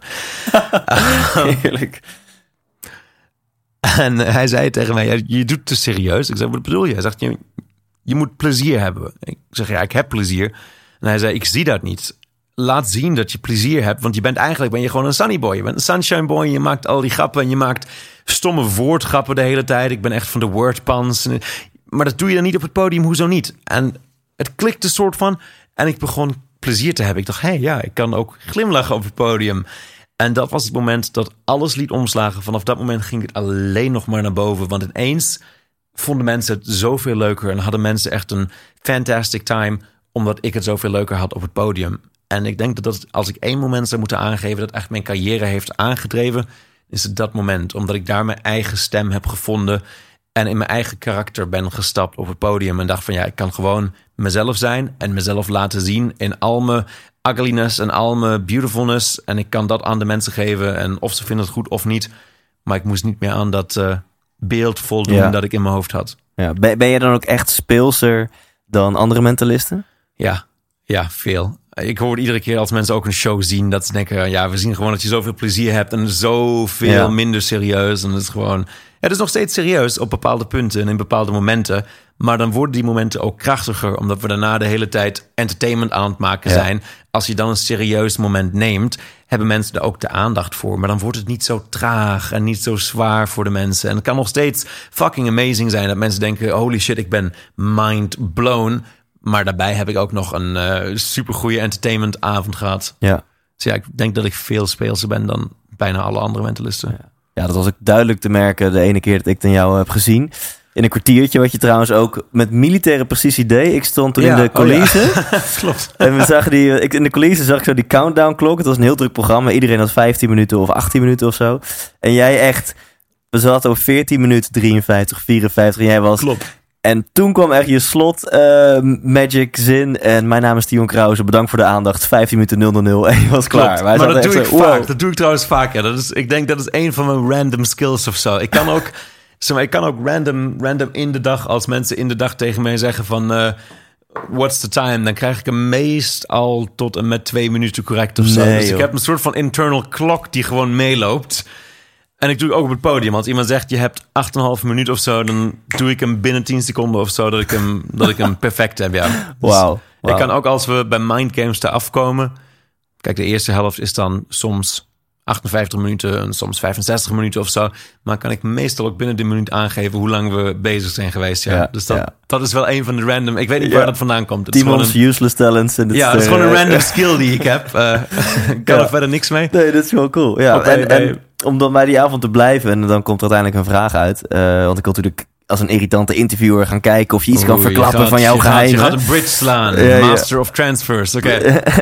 Ehm, want eh, eh, een van de oefeningen die je deed, je vroeg aan, ja, eigenlijk zei je basically tegen de zaal, ik wil een van de meest onvoorspelbare denkers, daar wil Ja. ik een oefening mee doen. Ja. Nou, en toen, misschien kun jij hem uitleggen, want dat is honderd keer leuker dan dat ik hem nu. Want je vroeg voor drie dingen Tuurlijk, aan mensen, tuurlijk, ja. om uiteindelijk van de 500 mensen naar die drie vragen stonden er nog maar 10. Dus de 10 meest voors- minst voorspelbare Minst denkers. voorspelbare mensen. Misschien kunnen de luisteraars thuis, als je dit Ja, hoort, dan kan je dit- gewoon Ah, dit is leuk. Dit je is kan leuk. gewoon meedenken op dit Ja. moment. Dus eh, stel je voor dat je in de zaal zit. eh, misschien bij Rocking Up Christmas. Of wat hebben we binnenkort? Rocking Up Easter of zo. ja, ja, Rocking. Up Summer. Zit Ja, je in de ja. zaal en eh, je staat op. En ik ga je drie vragen stellen. En je mag het eerste antwoord wat jou te binnen schiet, mag je onthouden. De eerste vraag die ik je ga stellen. Op drie wil ik dat je aan een wild dier gaat denken. Het is 1, 2, 3. En de meeste mensen die nu met jou in de zaal staan, misschien jij zelf ook wel, zullen nu denken aan een leeuw of een tijger. En wat er dan gaat gebeuren is dat de mensen die denken aan een leeuw of een tijger weer gaan zitten. Misschien zit je nu al, misschien sta je nog. Ik wil de rest van de mensen nu vragen om te denken aan een kleur op drie. En het is 1, 2 en 3. En zo je net dacht aan rood of blauw, dan mag je nu ook in jouw voorstelling gaan zitten. Misschien zit je nu al, misschien sta je nog. De mensen die nu nog staan, en dat zullen iets van 50 zijn van de 500, wil ik vragen om te denken aan een simpele geometrische vorm. Zoals een vierkant of een rechthoek nu. En zo je nu dacht aan een driehoek of een cirkel, mag je ook gaan zitten. En nu zullen er meestal nog iets van 10 mensen over zijn. Dat ligt eraan dat de antwoorden die ik net gaf, de statistiek meest voorspelbare antwoorden zijn. Ja. Dus de mensen die dan over zijn, zijn inderdaad de meest onvoorspelbare denkers. Ja, dan heb je drie keer op rij een niet voorspelbaar antwoord gegeven. Precies, dan hebben die mensen dus gedacht misschien eh, giraf en eh, groen en rond. eh giraf, groen en vijfhoek. Ja. Dus iets dat niet voorspelbaar is. En dat ligt eraan, het ligt aan een zogenaamd metasysteem wat we hebben. Is eigenlijk iets heel moois. Een metasysteem betekent dat mensen die opgroeien in dezelfde cultuur dezelfde denkpatronen hebben en dus op dat soort vragen, op snel gestelde vragen, dezelfde antwoorden geven. Ah, heel bekend, eh, denk aan een, een werktuig, een tool. De meeste mensen gaan voor een hamer op dat moment. Oh ja. Goed voorbeeld van een metasysteem is bijvoorbeeld als ik tegen jou zou zeggen: stel je een kraan voor, dus een constructiekraan, Ja. dan heeft hij waarschijnlijk een gele kleur. Denk ik. Ja. ja. Misschien wel. In, in Duitsland sowieso, in, in Nederland weet ik ja, het trouwens ik niet. dacht Maar aan een gele hijskraan. ja, de meeste mensen denken aan een gele kraan. Als we diezelfde vraag gaan stellen in Nieuw-Zeeland, gaan de meeste mensen daar aan een rode hijskraan denken. En dat ligt eraan dat gewoon de main manufacturer van hijskranen in Nieuw-Zeeland ze in het rood maakt. Maar wij zien ze hier continu in het geel. Ja. En alle, alle speelgoed die we van kranen hebben, wordt in het geel gemaakt. Dus dat is een, een heel simpel voorbeeld van een metasysteem. De mensen groeien in dezelfde cultuur op. Dus ze hebben een soort van dezelfde associaties. En datzelfde gebeurt bij een wild dier, een kleur en een vorm. Ja. En wat jij toen deed, toen stonden er nog een stuk of tien mensen. En Ja. met negen van die tien mochten gaan zitten. En met één van die tien deed jij een oefening.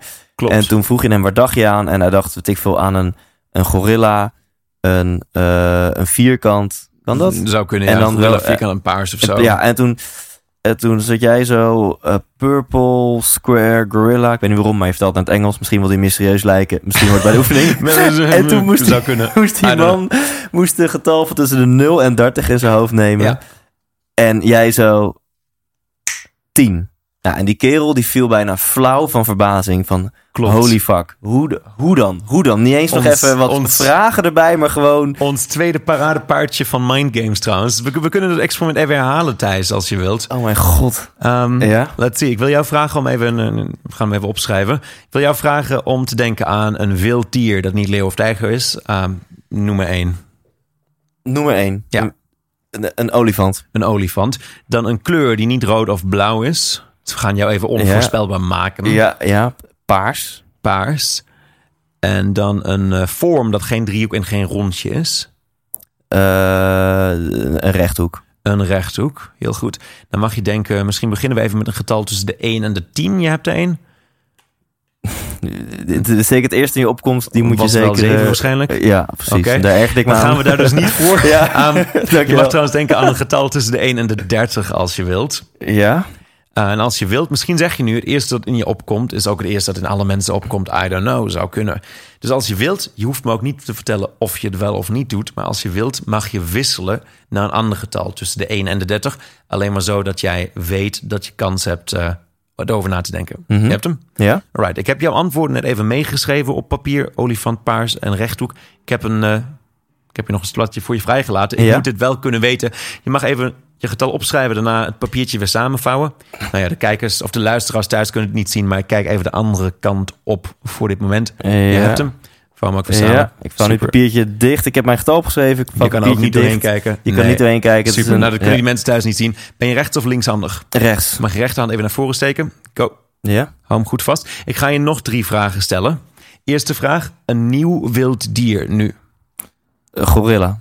Een nieuwe kleur Geel. en een nieuwe vorm. Eh, vijfhoek. Oké, één getal tussen de 1 en de 30. Ja? Gorilla, geel, een vijfhoek. Oh nee, wacht, sorry. a yellow gorilla. en de pentagon. Ja? Wel even mysterieus lijken. Equals. Vier. Nee? Ja, nou ja, dit was het, het, dit was het eerste was wel getal. het getal? Dit- ja. Maar Oké, ik moest... super. Hè? Nice.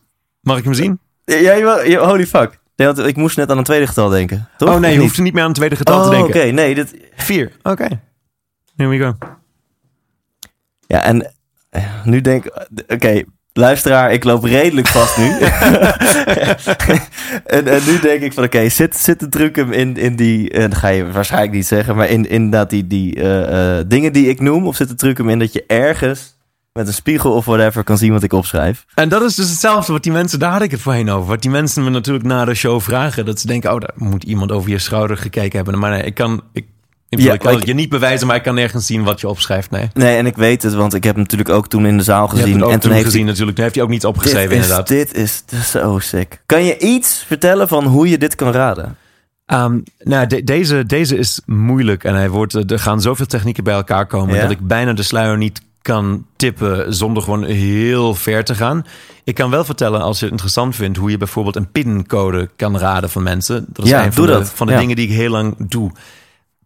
Ik weet niet of je die avond heb je volgens mij ook een pincode zien raden.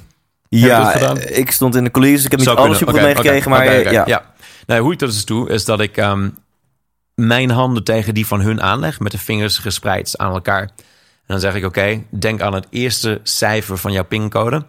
En ik druk mijn vingers tegen hun terwijl ik van 1 tot en met 0 tel. Dus ik zeg 1, 2, 3, 4, 5, 6, 7, 8, 9, 0. Ja, dus even, je staat soort van high-fivend met vingers Ja. wijd. Precies. Sta je tegenover elkaar. En dan duw ik Ja. bij één duw ik mijn pink tegen hun pink aan. En Ja. bij twee mijn volgende vinger, ringvinger tegen hun ringvinger. Drie mijn volgende middelvinger enzovoort. En wat ik dan voel, omdat de persoon aan een getal denkt, is een verandering in de spierspanning van hun vinger. Dus of dat de vinger Ja. makkelijker weggeduwd wordt of moeilijker weggeduwd wordt bij het getal waar zij aan denken. Ja. En je noemt het muscle reading in Ja, het Engels, spierspanning lezen. En dat is hetzelfde fenomeen dat we ook zien bij een, een pendulum. Heb je ooit een pendulum vastgehouden? Dat een persoon een pendulum vasthoudt en ze concentreren zich op de beweging en ze krijgen een microbeweging in hun spieren die zorgt dat het pendel in beweging gezet wordt. Hetzelfde fenomeen dat erachter zit. Ja. Maar, en zo ga ik dus eigenlijk door alle vier cijfers van de pincode heen. Maar ik heb het je ook zien doen zonder mensen aan te raken. Weet je het zeker? Ja, niet de pincode, maar, maar er stonden een aantal mensen in de zaal... en die moesten aan, aan een getal van tussen Oh de ja. 1 en 7 ja, ja, of die zo moesten aan denken. het getal denken tussen de 1 en de 6. Ja, ja, ja. Zoiets, ja. Precies, op dat moment gaan die mensen tellen. Dus ik zeg, denk aan een getal tussen 1 en 6. En ze tellen 1, 2, 3, 4, 5, 6. En ik probeer hun reactie af te schatten. En dat weer samen te... Dus ook weer technieken die bij elkaar komen. Samen te brengen met statistiek van wat ik ongeveer weet. Want de mensen kiezen een getal. Dus ik weet ongeveer, oké, een man gaat waarschijnlijk voor een oneven getal. Dus dan hoef ik alleen nog maar te letten op 1, 3 en 5. En dan hun reactie af te schatten. Om Dus zo het getal te raden. Dus jij mengt misschien statistiek met eh, het lezen van hun muscles... met misschien ook het lezen van wat voor van persoon... reacties, Oh. wat voor persoon het is, het inschatten, ja, en het beïnvloeden van het persoon natuurlijk ook weer. Want als ik denk, oh, ik ga die Timon ga ik lekker voelen. Weet je, ik tel van 1 tot 6 en ik heb Ja. 4 in mijn hoofd. Maar ik ga expres bij 2 ga ik echt eh, iets, Ja. er, weet je wel. Kijk je daar doorheen? Of is het dan makkelijk? Meestal wel. Zeg maar, het is hetzelfde als wanneer ik zeg, wanneer ik tegen jou zeg, denk niet aan een blauwe olifant. Ja, Dan ga je er natuurlijk aan denken. En hetzelfde wanneer mensen denken, ik ga nu heel hard mijn best doen om niet aan dit getal te denken of om niets weg te geven, raken ze zo gespannen dat ze meestal wel weer iets anders weggeven. Dus daar prik ik inmiddels gewoon, gewoon doorheen. Het moeilijkste is het wanneer een persoon er gewoon niets om geeft. Als je een persoon hebt dat gewoon denkt van ja, ik heb hier geen plezier aan en eh, whatever, doe maar ja, 1, 2, 3, 4, 5, 6 en eh, whatever. Dan wordt het heel lastig. Ja. Als iemand, maar zolang iemand geïnvolveerd is en emotioneel geïnvolveerd is, dan eh, heb ik een kans. Ja. Ik, ik sta eigenlijk nog steeds bijna na te bouncen van die oefening van net. Want ik had het Oh ja. idee dat het zo random was, dat ik echt dacht, ja, ik ik aan het kiezen was, oké, rechthoek, vijfhoek, eh kubus, weet je wel. En Ja. ook bij, bij het getal 4. Dus voor mijn gevoel was het zo random wat ik antwoordde. En had het Maar zo dat- makkelijk iets anders kunnen zijn. Is het natuurlijk niet. En dat is het nooit. Ja, ja. Dat is ook het mooie in, in gedachten en hoe mensen werken überhaupt. Dat alles met elkaar verwoven is. Ik zie het ook vaak terug. Ik bedoel, dat gaat dan weer in een andere richting. Maar ik zie het vaak terug ook in therapie. Dat je denkt van ja, ze komen met een herinnering van twintig jaar geleden... waarvan ze niet eens wisten dat ze die nog hadden. Ja. Die oppervlakkig niets te maken heeft met hun probleem. Maar dan als je er dieper in gaat, wel alles te maken heeft. En al die gedachten zijn verbonden. Hetzelfde met deze oefening. Zeg maar al die dingen zijn verbonden. En we werken met zoveel patronen die in elkaar grijpen. En zoveel tandwieltjes die in elkaar gaan grijpen in de menselijke geest. Ja. Gewoon heel fascinerend. Ja, super fascinerend. Dat, dat te en, zien. en ergens ook een beetje eng dat we allemaal denken dat we een, nou, een vrij wil hebben. Daar kan je over discussiëren. Maar dat we allemaal denken dat we bewuste keuzes maken. En dat vervolgens 95 plus procent van onze keuzes helemaal niet zo bewust zijn. Tenminste, de keuzes die we niet bewust maken, inderdaad. Er Ja. zijn natuurlijk keuzes die we bewust kunnen maken, eh, die dan daar weer dat metasysteem overriden. Dus Ja. die, dat, die dat weer buiten kracht zetten. Maar ik vind het ook iets moois hebben, zeg maar, al die principes. En dat eigenlijk ik ieder mens kan hypnotiseren of ieder mens kan lezen. Betekent natuurlijk dat ieder mens dezelfde mentale principes ten grondslag heeft aan hun denken. En daar zit iets heel moois en menselijks in. Want dat betekent dat het maakt niet uit waar je vandaan komt of wie je bent of welk geloof je hebt. Dat we in de grondslag dingen hebben die ons allemaal verbinden. En die zijn over heel de wereld precies hetzelfde. Het maakt niet uit welk mens je, welk mens je tegenkomt. Ze hebben allemaal, of ze werken allemaal volgens diezelfde principes. En daar zit een stuk empathie in, vind ik. En je noemde net eventjes therapie tussendoor. Gebruik jij jouw skills ook wel eens op die manier om mensen Ja. dus te helpen? Eh, kan je Ja. er eens wat over vertellen? Ja, ik heb het lang als eh, echt geadvertised op mijn website ook, als coaching of therapie. Ehm, nu niet meer. Nu is het dat ik echt van entertainment leef en de tijd niet heb om het eh, te advertisen op mijn Ja. website. Maar ik krijg nog, nog steeds regelmatig mouth-to-mouth referrals van mensen. Maar dan gaat het eigenlijk eh, waarschijnlijk ook een beetje wat Edwin Silei doet. Ja, 100%. Ja. Gaat alle, alle kanten op eh, van mensen die willen afvallen, mensen die willen stoppen met roken, mensen die traumata hebben waar ze doorheen moeten werken, mensen met te weinig zelfbewustzijn, mensen met fobia's die ze moeten overkomen, hoogtevrees, pleinvrees, vrees voor insecten, naaldenvrees, alles. En je kan eigenlijk alles wat in de hoofd begint, daar ook Ja. weer eh healen. Kan je ook een fobie installeren? Kan ook een fobie installeren. Ik bedoel, een fobie is niets anders dan een trigger response Ja. system bij een persoon. Het is niets anders dan een geconditioneerde, condi- ge- sorry, een geconditioneerde reactie op een bepaalde trigger. Dus eh geconditioneerde reactie zou kunnen zijn: ik word heel erg bang bij een spin die ik zie. En eh, dat kan je zo iemand aanleren, ja. Ja. Ik bedoel, het wordt ook vaak aangeleerd. Dat, dat is natuurlijk hoe een fobie Ja. ontstaat. Is puur dat het aangeleerd wordt. Misschien door een moeder die bang Mhm. is voor spinnen. Dus het kind ziet een spin. Moeder wordt bang. En dan denkt, oh, mijn reactie moet ook zijn om bang te zijn. Volgende keer dat ze die spin ziet, denkt ze weer, oh, zelfde trigger, zelfde reactie, enzovoort, enzovoort. Ja. Dus het is, ja, je je kan het zeker aanleren. En kan jij dan ook jezelf hypnotiseren? Of in elk geval, je hebt het bijvoorbeeld net over, je wil stoppen met koffie. Of je bent nu gestopt met koffie. Ja, ik ben even- gestopt met koffie, Eh, ja. Maar, maar stel, jij zou verslaafd zijn aan, aan rook. Of, of we hebben allemaal patronen waar we vanaf willen. Eh, kan jij dan met de skills die je hebt, jezelf? Je, je bent... Oh nee, ik, eh, sorry, ik deed de, de heroïne-applaus. Oh ja, oh, oh, ik toch Roken wel. wat of, je- Ja, nee, ik, ik zie inderdaad een paar heroïnenaalden in de hoek van, van nog liggen, ja, dan ben ik niet minimalistisch. Nee, precies. Eh, ehm, maar maar is, het, is dat toe te passen op jezelf? Is het voor jou dus relatief makkelijk om bepaalde patronen waar je vanaf wil, om die eruit te beuken bij jou? Bij jezelf? Ja, het is eh, voor iedereen. Het is een beetje het paradoxon van hypnotherapie. De mensen die bij mij komen en die succes hebben, ben ik van overtuigd, hadden ook in hun eentje kunnen redden. Ja. Maar misschien hadden ze gewoon iemand nodig die hun vertelt dat ze dat inderdaad kunnen en die hun de toolbox aangeeft om hun patroon te transformeren of op te lossen.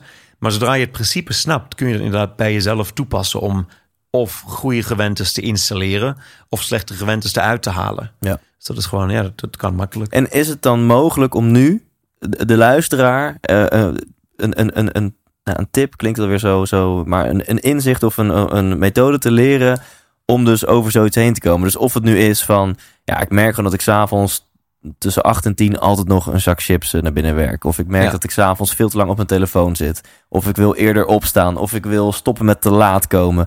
Wat het ook is, als je nu luistert, je hebt vast wel iets waarvan je denkt, ja, dit wil ik graag aanpakken. Ja. Kan jij die mensen dan nu een korte methode leren om daar makkelijker vanaf te komen? Tuurlijk, ik zal even, wacht. Even kijken hoe ik dit het beste kan vertalen. Ik heb dat ook hier in mijn boekje. Oh, Kijk, plak. dames en heren, Timon geen pakt zijn plak. boek. Eh, pakt zijn nog boek, niet vertaald eh, eh, naar het Nederlands. Niet Alwel, vertaald naar het Nederlands. naar Dus hij het- heet op dit moment nog uh, Du bist mentalist. Jij Ja. bent mentalist. Ja. Je gaat nu voorlezen uit je eigen werk. Nee, ik ga niet voorlezen Oh. uit mijn eigen werk. Maar ik dacht, oh, ik dacht, misschien heb ik de mooie, de mooie... Nou, dan moet ik hem even optekenen. Hij is in het Duits. Ehm mag ik een pen even? Ja, ik ja zal hem even optekenen voor je. Oh, ja. Oké, ik ga je hier een...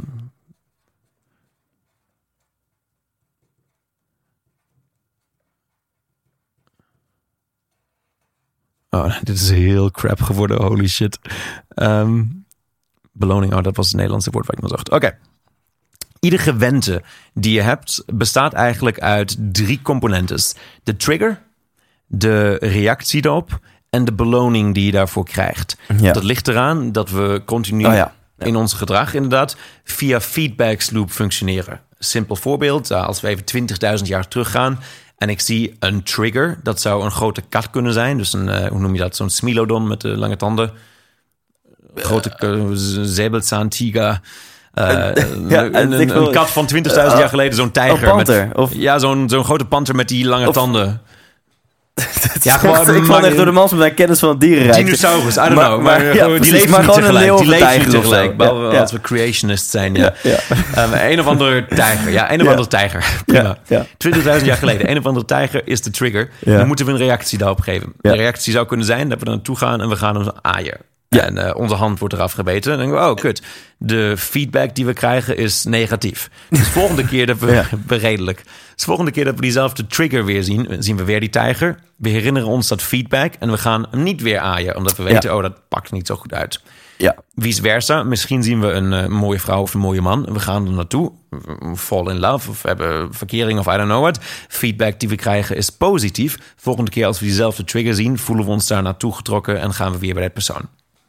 Zo werken gewentes ook. Sla, Gewentes- sla je nou liefde dood met, met dit, eh met Sla- deze droge theorie? Nee, nee, nee, nee.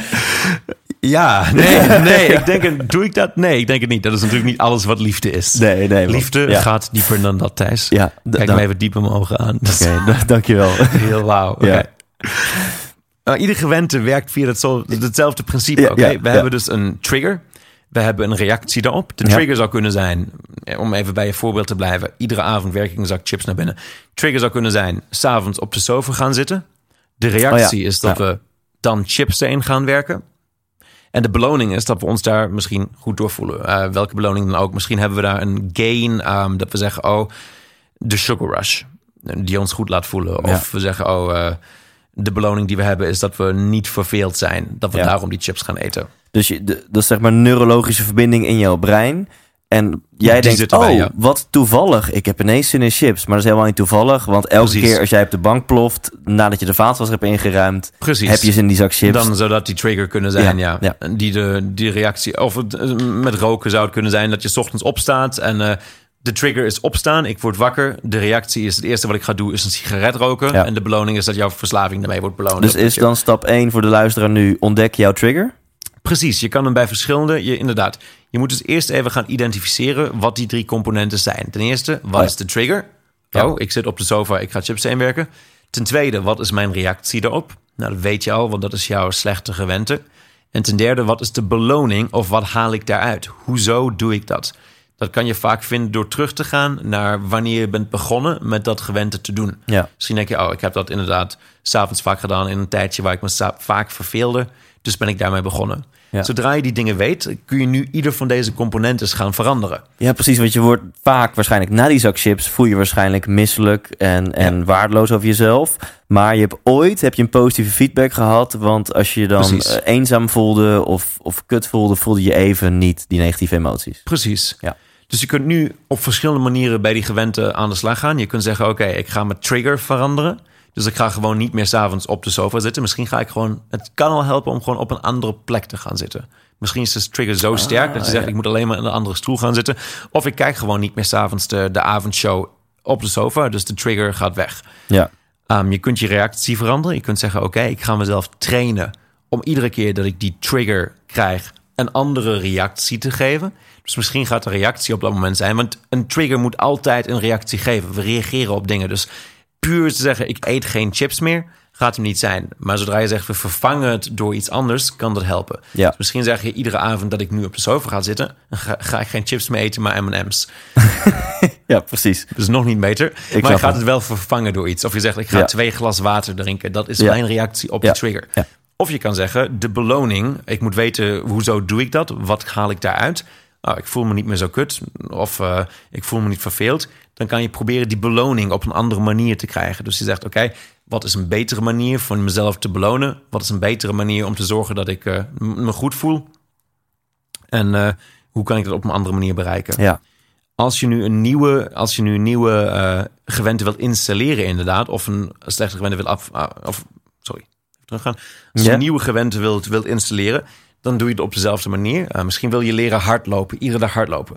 Dus dan moet je eerst een trigger zetten. Je zegt, oké, iedere dag, mijn trigger gaat zijn, iedere dag om kwart voor acht in de ochtend ga ik mijn schoenen aantrekken en hardlopen. De reactie moet je jezelf aantrainen. Dus je gaat dan, oké, kwart voor acht is mijn trigger. Ik ga nu hardlopen. Spreek je met jezelf af.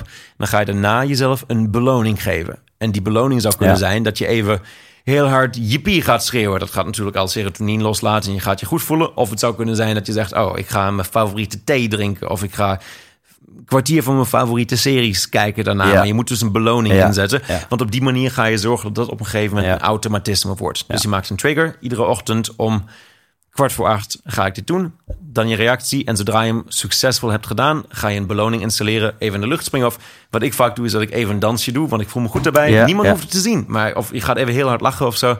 Niemand hoeft het te zien, maar ik voel me goed daardoor. En dat is al genoeg om het als gewente te installeren. Ja. En wat heel erg helpt, als ik één ding aan toe mag voegen, Ja. want kwart voor acht is misschien een wat relatief lastige trigger, maar je kan natuurlijk iets wat je toch al elke ochtend doet, of een kop koffie drinken of je tanden poetsen, Precies. dat je het daarvoor doet. Dus op het moment dat jij al bijna het koffiekopje in je hand hebt, dan, oh, wacht, ik ging eerst maar hard op schoenen aandoen. En Precies. En, dan- dit noem je habit stacking. Dus daar wil ik ja. net bij komen inderdaad. Oh, cool. Want je kunt natuurlijk die verschillende trigger- en response dingen op elkaar opbouwen. Ja, dat je zegt, oké, ik doe toch al iets iedere ochtend. Of misschien ook, je hebt je aangeleerd om hard te lopen. En dan ga je het dan aanleren. Zodra ik thuis kom van het hardlopen of mm, de douche uitstap... ga ik dan, dat is mijn volgende trigger, bij mijn computer zitten... en ga ik één uur lang schrijven. Dan is de reactie, de trigger is ik kom de douche uit. De reactie is ik ga één uur lang schrijven. En daarna geef je jezelf weer een Ja. beloning. En zo ga je door. En zo hoef je dus eigenlijk alleen maar in de ochtend ritueel de ene trigger los te laten en te zetten. En dan gaat de rest bijna vanzelf. dan wil ik eh, dit voorbeeld, of, of nog één specifiek voorbeeld eruit kiezen, want daar ben ik zelf heel gepassioneerd over. En dat is dit ding. Ik wijs nu even naar mijn telefoon, Ja. want dit is wat mij betreft de grootste veroorzaker van eenzaamheid, de grootste boosdoener, Eens. de grootste blokkade van een gelukkig en een voldaan leven. En nu gaat de zaklamp zelfs aan. It's a sign. Holy shit. Ehm, dus hoe kunnen wij de lieve mensen die naar deze podcast luisteren nu leren om minder vaak die fucking telefoon te pakken? Wat is de trigger dat mensen hun telefoon pakken? Ehm, Ik, ik denk dat het ehm, prikkels, hè, de onwijze dopamineverslaving. Dus je, je, je, je, ja, je hebt Precies. behoefte aan super short-term klopt, genot. In de vorm van een prikkel, in de vorm van een, een klopt. dopaminestootje. Ik ben begonnen door inderdaad de trigger weg te halen. De trigger is vaak inderdaad het telefoon zelf. Dat je denkt, eh, ik ben verveeld of zo. Ik voel hem in mijn zak zitten.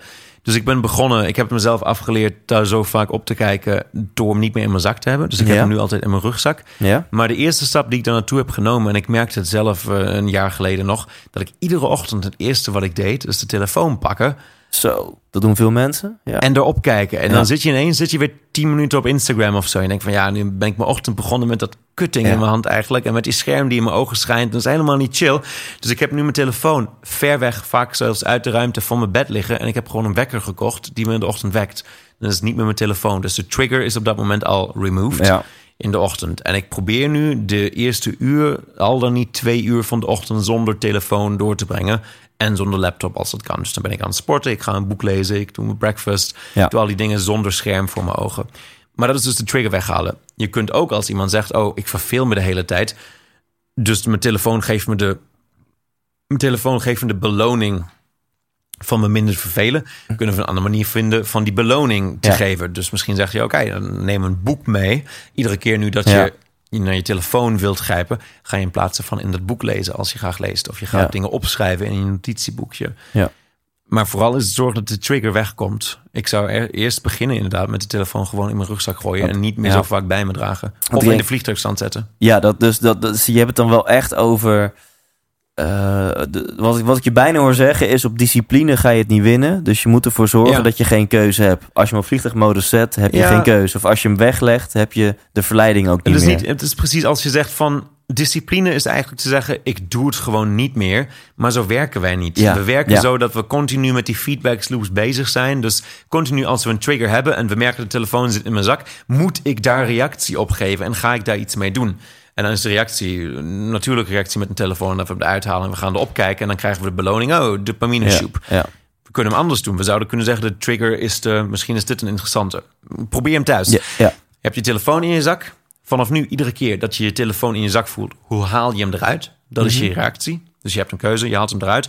En dan ga je drie keer op je telefoon tappen in plaats van erop te kijken. Je gaat met je vuist, ga je drie keer op je telefoon tappen. Je gaat dus een reactie geven. Ja. Zodra je het hebt gedaan, moet je jezelf nu een beloning geven. Dus je stopt hem weer in je zak en je gaat even jippie zeggen. Of je gaat innerlijk jippie zeggen of je gaat heel hard glimlachen. Ja. En je zult merken dat binnenkort inderdaad de trigger niet meer is dat je op je telefoon gaat kijken, maar dat je de telefoon gaat tappen en dat je hem weer wegsteekt. En dan heb je een Mooi. keuze. En nadat je dat hebt gedaan, mag je dan beslissen of je echt op je telefoon wilt kijken. Ik zou zelfs aanraden, probeer dit even voor een week. Iedere keer dat je je telefoon eruit haalt, behalve als je gebeld wordt, neem dan in godsnaam op. Wie weet is je vriendin zwanger en je moet hem echt opnemen. Ja. Maar iedere keer dat je op de Ja. telefoon wilt kijken, doe dat ritueel eerst even. Haal hem eruit, tap er drie keer met je knokkels op, steek hem terug, zeg je pie. Zo heb je een nieuwe feedback loop en daarna mag je beslissen of je er echt op wilt kijken of dat het puur een automatisme was. Ja. Vet. Off the top of my head. Maar zo kun je inderdaad die feedback loops in elkaar steken en jezelf nieuwe gewentes aanleren en slechte gewentes afleren. Ja. En dat is het, denk ik. Die telefoon biedt ons ook fucking veel mogelijkheden. En er zitten ook heel veel Ja. toffe functies op. En je Tuurlijk. kan heel erg connecten met mensen. Maar je moet een Maar keuze het- maken. is het een bewuste keuze? Ja, Of is het je, je verslaving die jou fuckt en die hem pakt voor no Precies. good reason? Ja. precies. En datzelfde was het voor mij met koffie. Dat vertelde ik ook. Daarom ben ik nu gestopt met koffie drinken. Omdat ik op een gegeven moment niet meer dacht... ik ben moe, ik ga koffie drinken. Maar oh, ik ga koffie drinken. Laat gewoon koffie drinken en nog een koffie. En dan denk ik, ja, ik had al verdacht dat ik het... eh, best kut zou vinden om geen koffie te drinken. Ja. En dat klopt. En ik denk als je het irritant zou vinden om iets niet te doen... dan is het eigenlijk een reden om dat niet te doen. Ja, Dus- exactly. We gaan, we gaan al uh, ja, helaas naar de afrondende fase van het interview. Uh, maar de tijd vliegt. Ja, ik kan je natuurlijk Tijd vliegt, challengen ja. om door nu te vragen op hoeveel minuten zitten we, denk je? Uh, we zitten op. We denken, we zitten op 1. Ik denk dat we op 1 uur en 14 minuten zitten. 1 uur 16 minuten. 1 uur 9 minuten. 1 uur 9 minuten. Ah, dat dammit. Zeg maar, wat je je baalt begonnen? ervan, hè? Ja, ik baal er echt heel erg van. Vraag me nog een keer. Maar dit is natuurlijk... eh, ik zal het even voor je opnemen. Dit, dit is natuurlijk compleet... Jij bent onwijs reactief, want je moet antwoorden op mijn vragen. Ja, ja, Dus dat Maar ik zag hem ook niet aankomen. Ik had hem aanzien moeten komen eigenlijk. Het was de... nou, op zich zit zeven minuten naast. Nou, eh, dat is ook niet heel slecht. Nou, ik wist ongeveer dat we natuurlijk ongeveer een, een uur plus min of zo zouden gaan, eh, zouden gaan doen. Ik vind het mooi. J- Jij baalt er echt flink van. Jij Ik baal heel erg van. Je kan het op mijn gezicht zien, hè? Ja, ik er- nog gewoon zeggen, ja, dit is mijn speciale skill en zo die we doen. Ehm, oh ja, ik, eh, dus even voor de mensen die net zo autistisch zijn als ik. Ik wil nog eh, één toffe vraag heen stellen, dan pak ik een paar. Nou, over die telefoon heb net gehad, een paar Instagram vragen erbij. Ja. Zet je on the spot en dan Leuk. over 10 minuutjes dan, gaan we afronden. Ehm, eigenlijk mijn laatste vraag is eh, in lijn met jouw purpose, jouw missie. Mhm. Eh, je bent nu mensen vooral een hele toffe avond aan het geven. eh, Een stukje magie aan het creëren. Waar echt wel een, een grotere betekenis aan vastzit dan je zou denken. Aan de hand van de mooie uitleg, vind ik, die je net Ja. gaf. Maar ehm, ja, over eh 70, 80, 90 jaar misschien ga jij wel oneindig leven door de technologie die we straks Who hebben. Maar ooit, als jij op je sterfbed ligt, ben je er dan oké mee dat jij alleen maar de, eh, eh, met name in je leven gewoon mensen een toffe, leuke, entertainende, Mhm. magische avond hebt gegeven? Of, of zit er een, een diepere, dieper verlangen in jou om, om op nog andere gebieden echt, bijvoorbeeld waar we het net over hadden, eh, de wereld een stukje mooier te maken?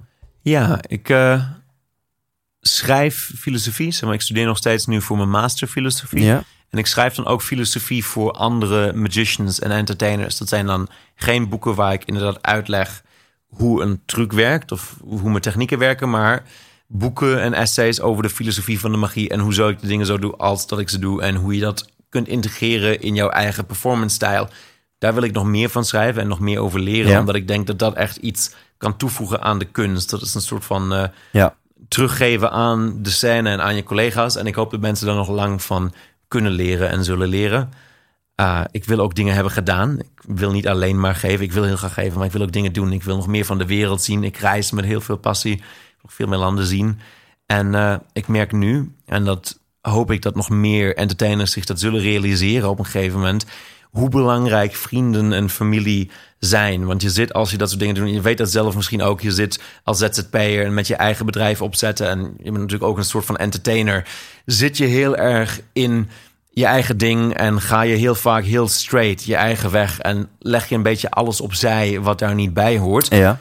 Maar ik merk nu, en ik merkte het gelukkig ook al wat jaren geleden, hoe belangrijk het is om mensen rond je heen te hebben. En een van mijn doelen is oprecht um, gewoon een eh, goede relatie met mijn vrienden op te bouwen. En een goede relatie met mijn partner, met mijn vriendin te houden en met mijn familie te houden. En die mensen gelukkig te maken en er voor die mensen geweest te zijn. Ja. En met die mensen iets beleefd te hebben. Dat is belangrijk en vervullend. En die mensen zullen er voor je zijn wanneer je valt. En je zult vallen, iedereen zal vallen. En dat hoort bij het artiest zijn, maar het hoort ook bij het leven.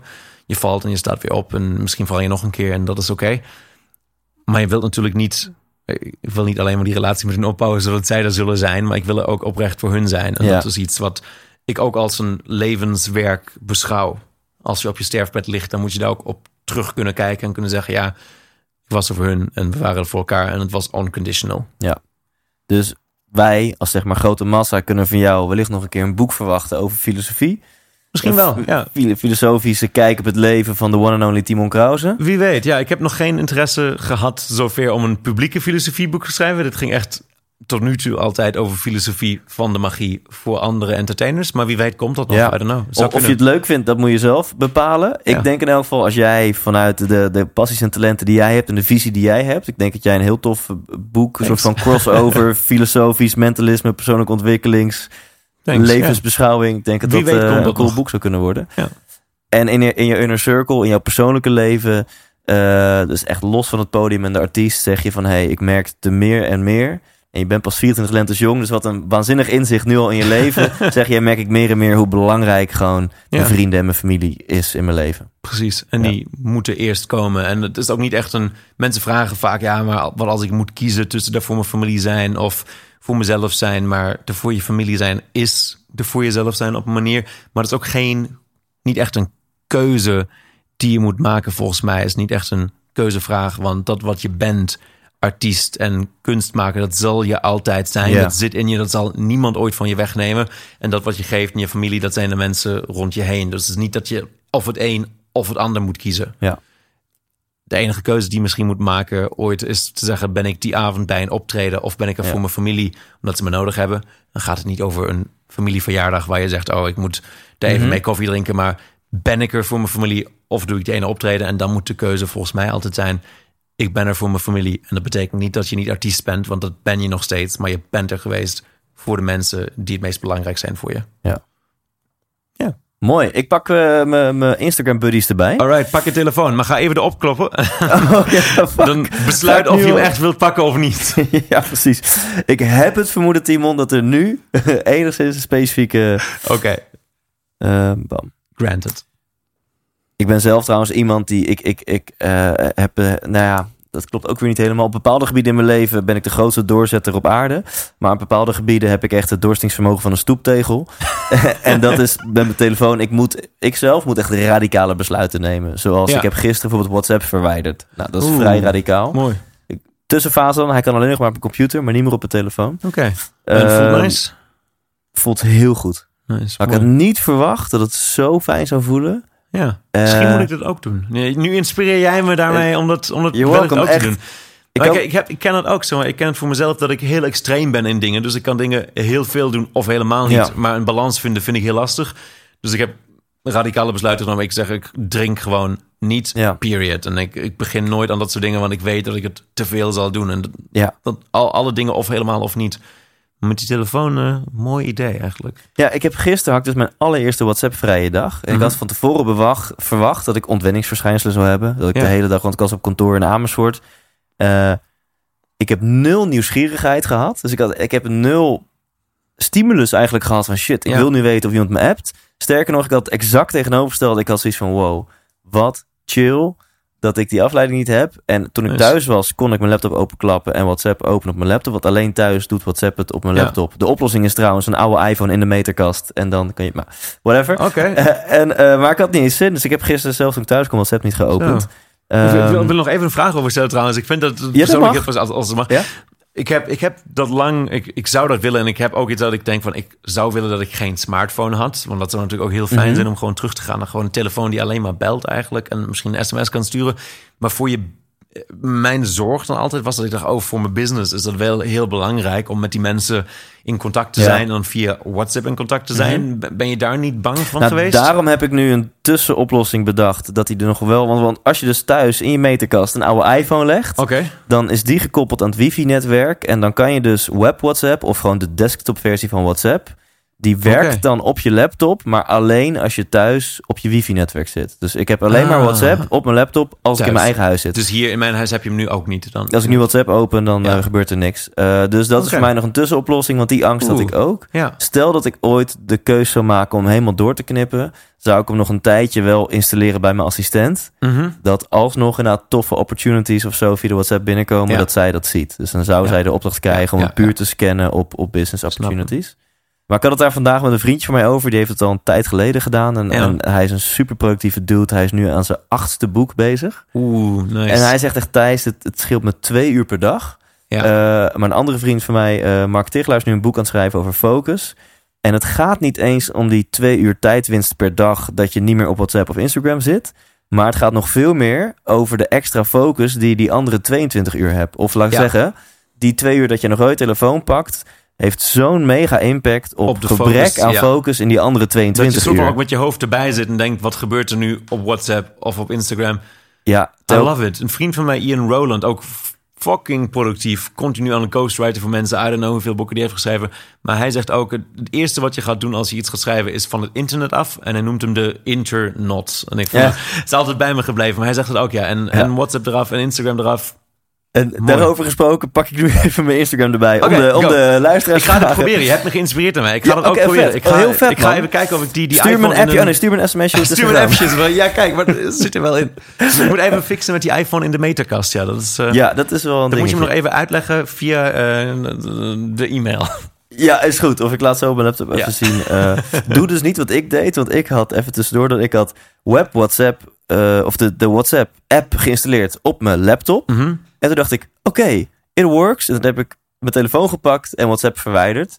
Waarmee ik dus mijn complete digitale leven door de shredder heb gegooid. Oh, Want WhatsApp werkt alleen op je laptop als hij als op je telefoon Dus zit. het moment dat ik die Mm. app en alles is lokaal bij mij. Ik had hem niet gesynchroniseerd of Ah. zo. Dus ik heb al mijn chatgeschiedenis en Alles media ging verwijderd. eruit. Dat was een beetje nou, nou jammer. ja, Oké. Aan de andere kant ga je er ooit weer terugkijken. Waarschijnlijk ga je het niet heel erg Nou missen. ja, ik, ik was heel Misschien- wat naaktfoto's armer ineens, eh team. Die Oké, heb ik- kijk maar die heb ik nog trouwens. Dus ik, Oké, ik stuur ze wel toe. Eh, Susanne's Live, die eh, zegt... ehm, hoe heb je je gaven ontdekt? Hoe heb ik mijn gave ontdekt? Nou, daar hadden we het voorheen natuurlijk al over. Eh, had ik ook een korte antwoord kunnen geven. Het is gewoon een geschenk van God. Ja. Maar je ontdekte het dus toen, toen je ging was testen en dat je snel... ja, ja. het was meer dat ik eh, inderdaad ontdekte dat ik daar een passie voor heb. En dat het eh, goed werkte toen ik 12 was met de hypnose.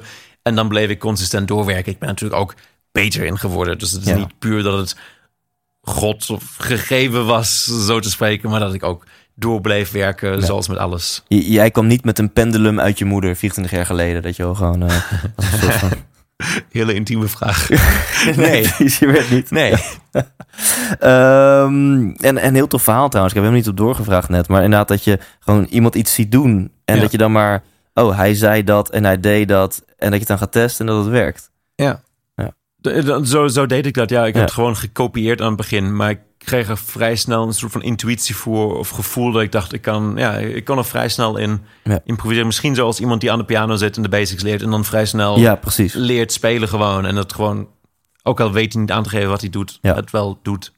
Cool. Ik ga even naar wat andere vragen Go. kijken. Eh, ik lees hem gewoon voor. Zijn er situaties dat je ongezien iets weg of erbij tovert... zonder dat anderen het doorhebben? Volgens mij gaat het over drugs. Hè? Volgens mij wil hij weten of hij uh, daarmee zijn kook kan ja, wegmoffelen dit is of een vraag, vraag van Mirjam en Sander. van, Mirjam. eh, ja. Goeie Eh, vraag. Dus, dus de vraag is denk ik, ben jij in staat, net als Darren Brown... oef, stiekem portemonnee en horloges en zo te jatten? Dus, eh, nee, ik ben een onwijs slechte eh zakkenroller. Ja? Heel slecht. We doen het wel in mind games. Dus het, aan het begin doe, doe ik wel zakkenrollen. één Mhm. keer. Ik vind het super spannend iedere keer, omdat ik er zo slecht in ben, eerlijk gezegd. Uh, nee, maar ik tover eigenlijk niet dingen erbij of weg zonder dat mensen het merken. Ik ben ook niet zo goed in vingervlugheid, moet ik toegeven. Dus nee. We gaan er snel doorheen, nog twee of zo. Lievelijn, die heeft een, eh, ik vind het wel Mooie tof. eh, ja, ja, zo heet ze dan op Instagram. Misschien is Lievelijn ook wel echt een naam. Dat zou cool zijn. Dan kunnen we. I Ja, don't know. mooi. Lieve Lijn, is dat je naam? Ja, laat even weten, lieve Lijn, als je dit hoort. Eh, wat is mentaal de grootste hindernis die je zelf hebt genomen? Mentaal de grootste hindernis die ik zelf heb genomen. Oeh, goeie.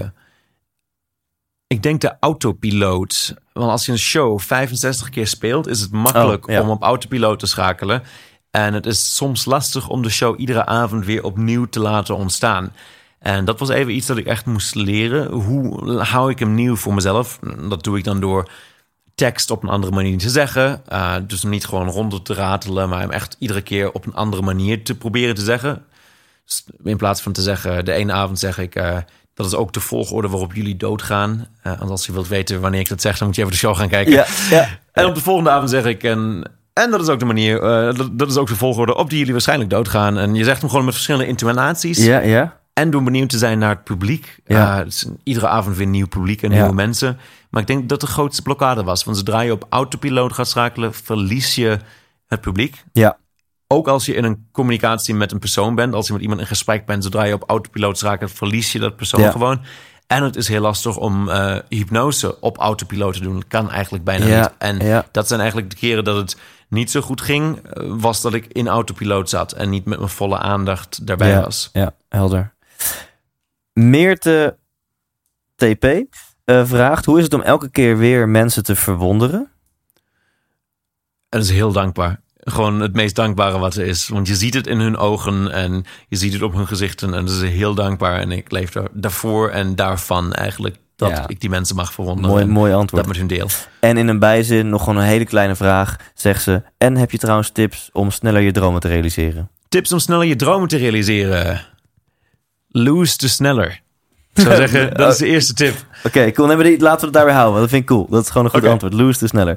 Eh Vivian Kronen zegt: Hoe kan je je eigen mind tricken om. Maar daar hebben we eigenlijk al over gehad. Om voor positieve verandering te zorgen. Oh ja, dat is positief gewend. Dat Ja. is de beloning, trigger, reactie. Ja. That concludes the questions. Dan gaan we naar het onderspot Mooi. gedeelte. Gaan we even kijken tot slot, Timon. eh, hoe het zit met jouw onbewuste. Oké. Want je moet meteen antwoorden vanuit je gut feeling. Oeh. Klaar voor? Klaar voor. Ochtend of nacht? Nacht. Bestuurder of passagier? Passagier. Ferrari Bestuurder. ik dacht aan een limousine, maar dit was niet op de spot. Dat telt niet, hè? Fuck. Oké. ik dacht een limousine. Ja, Ja, ik dacht van, nou, eigenlijk heel chill om in zo'n limousine te zitten en gewoon, ja. gewoon te, te rijden. Oké. ja. Oké, ik ga niet meer onderbreken. nee, nee, is cool. Ferrari of Tesla? Tesla. Poetin of Trump? Eh, Poetin. Groene smoothie of Engels ontbijt? Groene smoothie. Maandagochtend yoga of vrijdagmiddag borrel? Maandagochtend yoga. Naakt of pyjama? Eh, pyjama. Gevoel of verstand? Verstand. Praten of luisteren? Zijn hetzelfde trouwens. Gevoel en verstand. Stel. Ik vind dat ze één eenheid moeten vormen. Dus dat was een moeilijk antwoord om te geven. Ik vind dat ze hand in hand gaan. Oké. Praat of luisteren. Huh, luisteren. Jong en onbezonnen of oud en wijs? Jong en onbezonnen. Nu, sowieso. Hutje op de hei of herenhuis aan de gracht? Ik weet niet wat dat betekent. Oh, oh, hut, oh ik dacht dat het een gezegde was. Oh, Hutje op de hei. Ja, Ja. oké, precies. Dat is gewoon, Ehm, Justin Timberlake of Justin Bieber? Eh, Justin Timberlake. Klassieke muziek of death metal? Klassieke muziek. Nooit meer seks of nooit meer muziek? oh, nooit meer muziek. Risico's nemen of op veilig spelen? Risico's nemen. Geld maakt gelukkig of geld maakt ongelukkig? Geld kan gelukkig maken. Nederland uit en er no ja, of ja, je bent in dit moment. Voel, voel je je Nederlander of Duitser? Mm, ik voel me niet Duitser, omdat ik, ik drink geen bier, ik kijk geen voetbal, ik eet geen Eet worst. geen worst. Ja. maar ik ben hier ook niet opgegroeid. Ik voel me een reiziger. Ik voel me eigenlijk op vele plekken thuis. Oké, nou goed, dan houden we hem bij de originele formulering. Nederland uit en er nooit meer in. Of Nederland in, maar er nooit meer uit. Nederland uit en er nooit meer in. Ja. Eén dag koning of één dag weer kind. Eén dag koning, want ik ben al kind. Wauw. Mooi, dat, dat, eh, dat waren de onderspotvragen. Sorry, ik heb ze doorbroken soms. Nee, dat is helemaal oké. Eh, Dan, dan, het moet onder spot zijn en dan denk ik daarna van, heb ik toch weer reflectie? Wil ik toch weer iets zeggen? Waarschijnlijk was dus praten ook het juiste antwoord geweest, want ik blijf maar praten. ja, ja, true. Eh, Maar je kan niet praten zonder te luisteren, vind ik. Je, moet luisteren om dan iets te kunnen zeggen wat waard is om gezegd te worden voor de persoon. ja. Het gaat ja, of eh, wat zo'n wijze uitspraak onderbreekt de stilte alleen als je, nou, als je iets kan toevoegen of zo. Als het, ik ben blij dat je voor deze uitspraak de stilte hebt onderbroken. Kom ik even met zo'n halve quote.